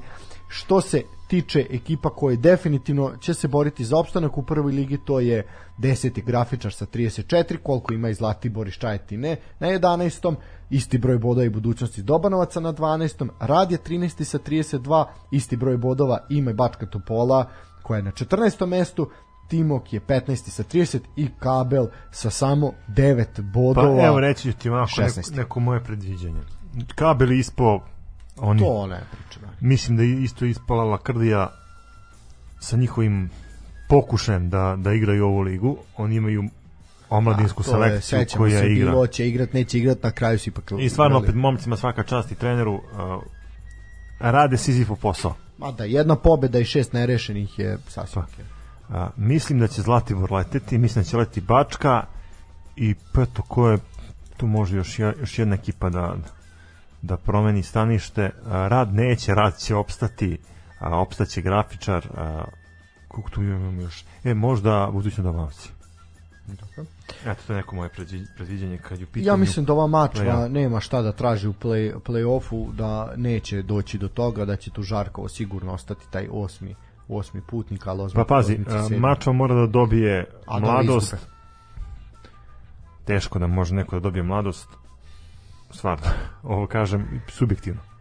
Da, ovaj, dobro, to je što se tiče tabele, rekli smo kolo, u suštini zanimljivo, zanimljivih nedelju dana nas očekuje u domaćem futbalu, pa ćemo onda pričati ko je gde i šta je, a zanimljivo je bilo na evroligaškom duelu između Crvene zvezde i Žalgirisa u prepunoj Žalgirio areni U Ovaj, Kaunasu. u Kaunasu je došlo do a, zvižduka od strane cele hale upućeni zvižduci su a, košarkašima Crvene zvezde koji nisu želeli da drže transparent stop ratu u Ukrajinu i onako litvanska i evropska javnost je osudila potez startne petorke beogradskog sastava. E sad, uh, samim tim su nakon toga navijači Žargilisa provocirali ekipu i malobrojne navijače Crne zvezde uh, zastavom NATO alijanse, vređali Srbiju i tako dalje i tako dalje.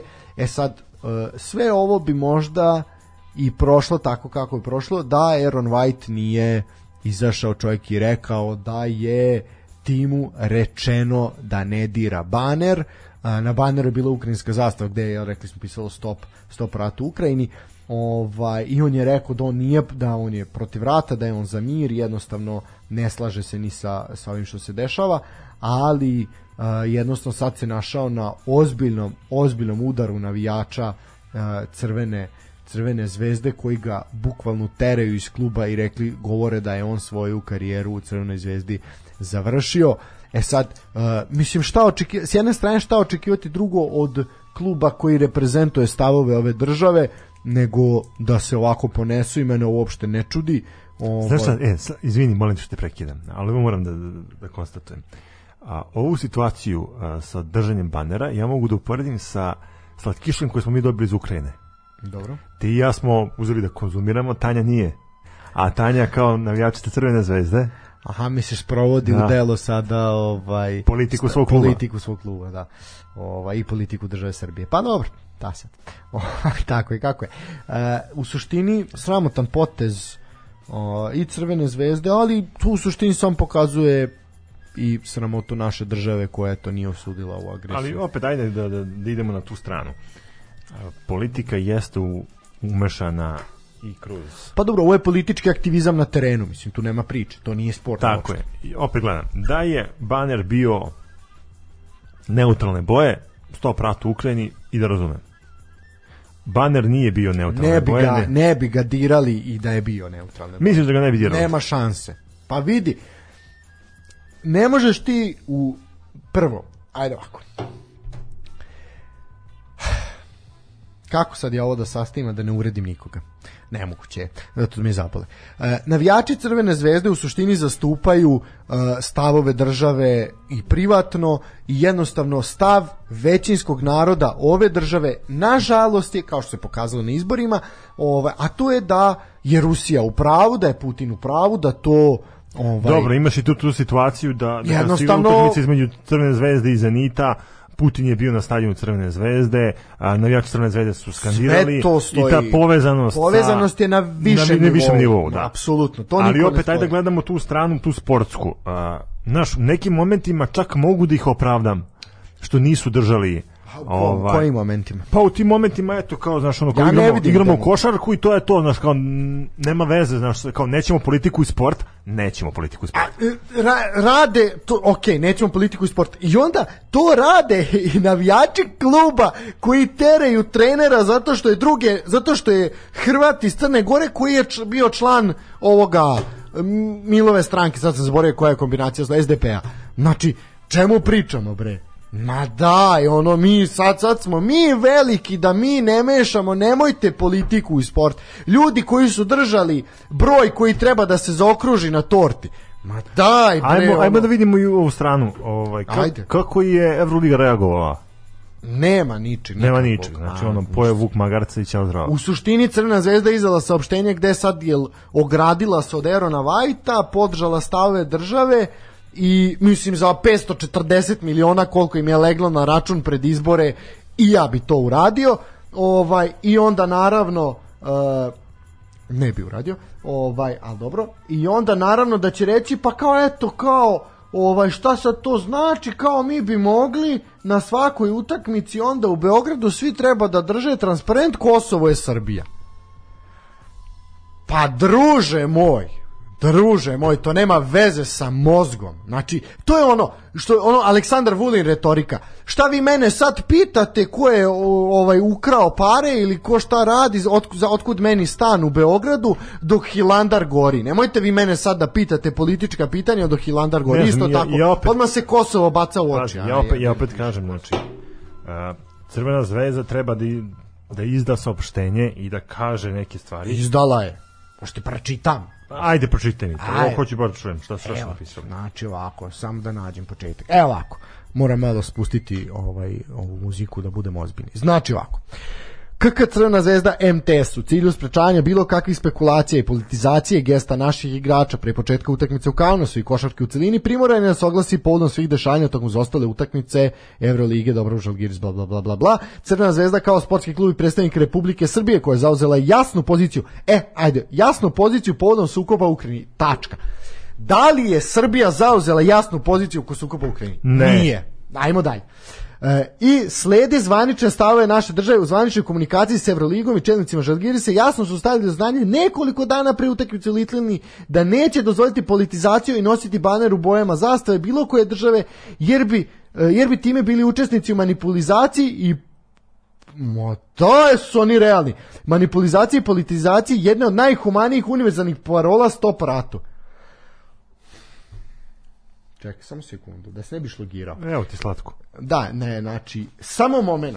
Oni da ne bi bili učesnici, neću, oni da ne bi, hoću da šlogir, da oni ne bi bili učesnici u manipulizaciji i politizaciji. Vi ste ti koji manipulišu i vrte, vrše politizaciju. Da vi slučajno ne ostanete uprljanih ruku, Nebojša Čoviću, ti si taj koji je manipuliše ovaj narod, bre. 30 godina, već i više.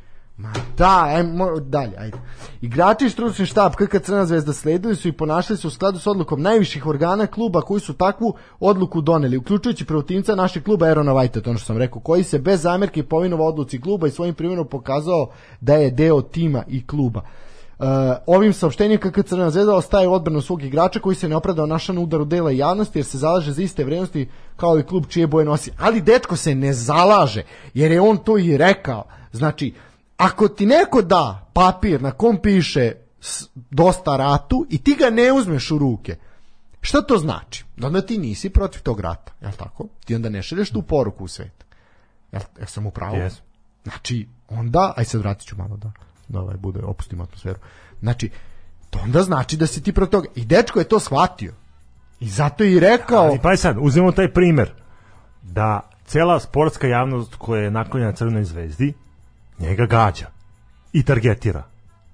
Pa ti I- pričaš o javnosti koja je targetirala Alena Omića zato što je muslimanske veroispovesti, a igrao za, za Crvenu zvezdu, su ga terali iz kluba zbog toga. U kako, u čemu priču, u kakvoj javnosti? Da ne pričamo o ome vaterpolu, šta se sve dešalo, znaš i sam, mislim. E, I onda, ali vrhunac budalaštine, vrhunac oni se sad pravdaju. Znači, ovo nije spin, ovo je pravdanje. Ovo je čisto pravdanje. Vrhunac svega je, kad navijači Crvene zvezde uh, ispišu uh, godi, mesta i godine gde su se dešali sukobi i onda stop ratu. A to može. To može. Onda je tu give peace a chance. Dajmo miru šansu. Zašto sad nisu onda postupili tako? Nego je to bila prilika jeftina da se u Evropi pošalje slika kako smo mi protiv sukoba, a sad, jer je tu bio fokus mnogo veći da se ne lažemo utakmica uh, osmina finala je, da. ovaj, Lige Evrope između ekipe kao što je Rangers, koja te u prvom utakmici u Ibroxu, na Ibroxu isproziva jer uzimaš ruske pare od Gazproma, od agresora, ti onda ti onda moraš da se opravdaš u očima javnosti, a ovu utakmicu sem tih Litvanaca i to malo, mislim, ako se ne lažemo, tu Euroligu ne gleda više niko živ. Znači, i samim tim ovo nije došlo do odjeka. Oni su se oprali, ali se nisu oprali u očima Evrope, Litvanaca ili bilo ko ko se tamo našao, nego su se oprali isključivo u očima e, vlasti, Srpske napredne stranke, predsjednika, da ne bi njegov voljeni klub napravio neki potez koji se njemu ne sviđa i naravno prosječne Sorbadije koja ovaj smatra da Ukrajinu treba pregaziti. Eto, to je to. Pa ništa, što si Samo, mo- samo još jedna rečenica, Crvena zvezda pokazuje svu absurdnost i težinu situacije u kojoj smo se svi našli, ali i opasnost od mešanja politike u sport. Klub koji je sinonim za mešanje politike u sport, ovaj i koja je totalno politička organizacija, ovaj priča koja eto igrom slučaja ima sportske selekcije, ovaj trče za loptom, priča nešto tome, nekome drži neko predavanje. Ma sram vas bre bilo, ovo je mislim ja se slažem da ovog dečka ne treba osuđivati, dečko je rekao ono što je na srcu i ima pravo to da kaže, zbog toga i postoje društvene mreže da svako kaže šta misli i šta mu je na duši, a zato postoji sportski pozdrav da mi opljujemo to. Eto, Tanja, šta ti imaš da kažeš? gotovo uplašila se žena. Pa nisam se uplašila, ali mislim realno, dobro mnogo toga ste sad iznijeli ovde, ali sve u svemu potpuno se slažem sa Stanislavom, mislim šta da kažem. Ja nisam neko ko će sad baš o tome toliko nešto mnogo da priča, ali sam apsolutno razumela o čemu se ovde radi i mislim, ne znam, strašno. Pa mislim da prvo nemojte nemojte napadati Erona Whitea, dečko nije kriv i mislim da je zaista uh, što je najcrnje. Ovim njega klub nije zaštitio. Po meni će on sad biti žrtveno jagnje. Pa mislim... možda i dobije otkaz. Pa da. Ali mislim da nije toliko ozbiljno delo da bi mu dali otkaz. Pa nije, sreća u tome njegova što nije, da. Razumeš? Ne znam, mislim, po ovo je, ovo je takvo ispiranje mozga da to ono zaista zaista nije, nije normalno. Pa ništa, eto, sa tim bi završili ove naše Sa ovim spo- razočarenjem. Pa da, naše sportske aktivnosti i sportske komentare, barem za ovu nedelju. Ono što je sve nas isto pogodilo, to je to smrt ovih osam aleksinačkih radnika. Da, to se mora isto prokomentarisati. I eto još jedna sramna odluka države da ne proglasi Dan žalosti. Da, žalosti, da. Ali eto, izbori su ipak bitniji. Sesti, da sedne guzica u fotelju ili da tamo ostane na još pet godina je bitnije i narode slepi i gluvi shvati to da si nebitan u očima političara. To što su ti davali malo zrnevlje u predizbornoj kampanji ovaj shvata već u tog momenta se shvatilo, mislim, shva, onaj ko je to shvatio, shvatio je to pre 30 godina. Ovaj, a onaj ko nije, eto sad ima priliku da shvati da oni sve ovo rade isključivo za sebe, za svoje džepove, sramotno je, sramotno je da ljudski život vredi 8.500 eura. To je sramotno, sramotna je odluka da se ta količina novca podeli porodicama. Ok, pomoć je dobrodošla, prvo, mladi ljudi su poginuli. To su sve izuzetno mladi ljudi. Ljudi koji su ostavili porodice, malu decu. Znači, mislim da ovakvo ponašanje i ovako sakrivanje pod tepih se tu zapravo desilo, jer eto, bože moj, slede izbori, ne sme sad država da, da, se, dovo, da se uopšte neko zapita zašto je došlo do nesreće. Zato što nisu imali adekvatnu opremu, zato što nisu imali do- adekvatnu zaštitu na radu, zbog toga što rade u uslovima koji nisu humani, koji nisu, mislim, rudarski posao sam po sebi nehuman, ali da jednostavno nisu bili dovoljno, dovoljno obezbeđeni. Da se to ne bi zapitalo da ministarka napuderisana i zategnuta sve, sa svežeg manikira i pedikira može da dođe na mesto zločina, što to realno jeste, i to nesrećnu lokaciju, ovaj može eto to da tako skine sa dnevnog reda i da se vrati u salu Ja opet samo mogu znači, da izjavim saučešće svim nastradalima i njihovim porodicama. Šta, šta da kažemo? Svakako to je vest koja je obeležila ovu nedelju. ali je jako brzo vest. sklonjena i brzo je sklonjena na stranu i ono što je po meni jako važno je to što a, nismo čuli šta se stvarno desilo, niti znamo. mislim da nikad nećemo čuti A, imamo jednu verziju koja je verzija a, Zorana Mihajlović, imamo drugu verziju koja je verzija ljudi koji su tamo bili i koji su koja, bili je, koja je poređeni. njena verzija izvini Pa da je došlo do da su oni ugušili da nije da, bila da, eksplozija da, jel da, da, metanje kao uh, Pa metan jeste krivac, da. samo je pitanje da, Da. šta je tačno se desilo. Neki kažu da je došlo do eksplozije, neki kažu da nije, to ovaj ministarka kaže da nije bilo eksplozije. Uh, nadležni organi bi to trebali da utvrde, ali svakako nadamo se samo da se ovakve stvari više neće dešavati ili ako se već uh, dešavaju, obzirom da znamo koliko je taj težak posao i koliko je zahtevan uh, da bar zaobiđe pa ovu našu zemlju na jedno duže vreme. A, nažalost, da, ajde, ja ću se isto pridružiti svakako ovaj tim uh, izjavama ovaj i uput, uputiti saučešće porodici, naravno i prijateljima, to je zaista jedan, jedan onako strašan, strašan događaj, uh, ali zaista, nažalost, nažalost, ovaj, je sve to je jako tužno i još više, još tužnije je što je reakcija država bila takva kakva jeste. A, izgubili smo eto vredne ljude. Ja zaista ne kažem taj posao jeste jako težak taj posao jeste jako opasan uh, i zbog toga je mislim ono i, i ta bezbednost mora biti na nekom visokom nivou ali ona očigledno nije bila.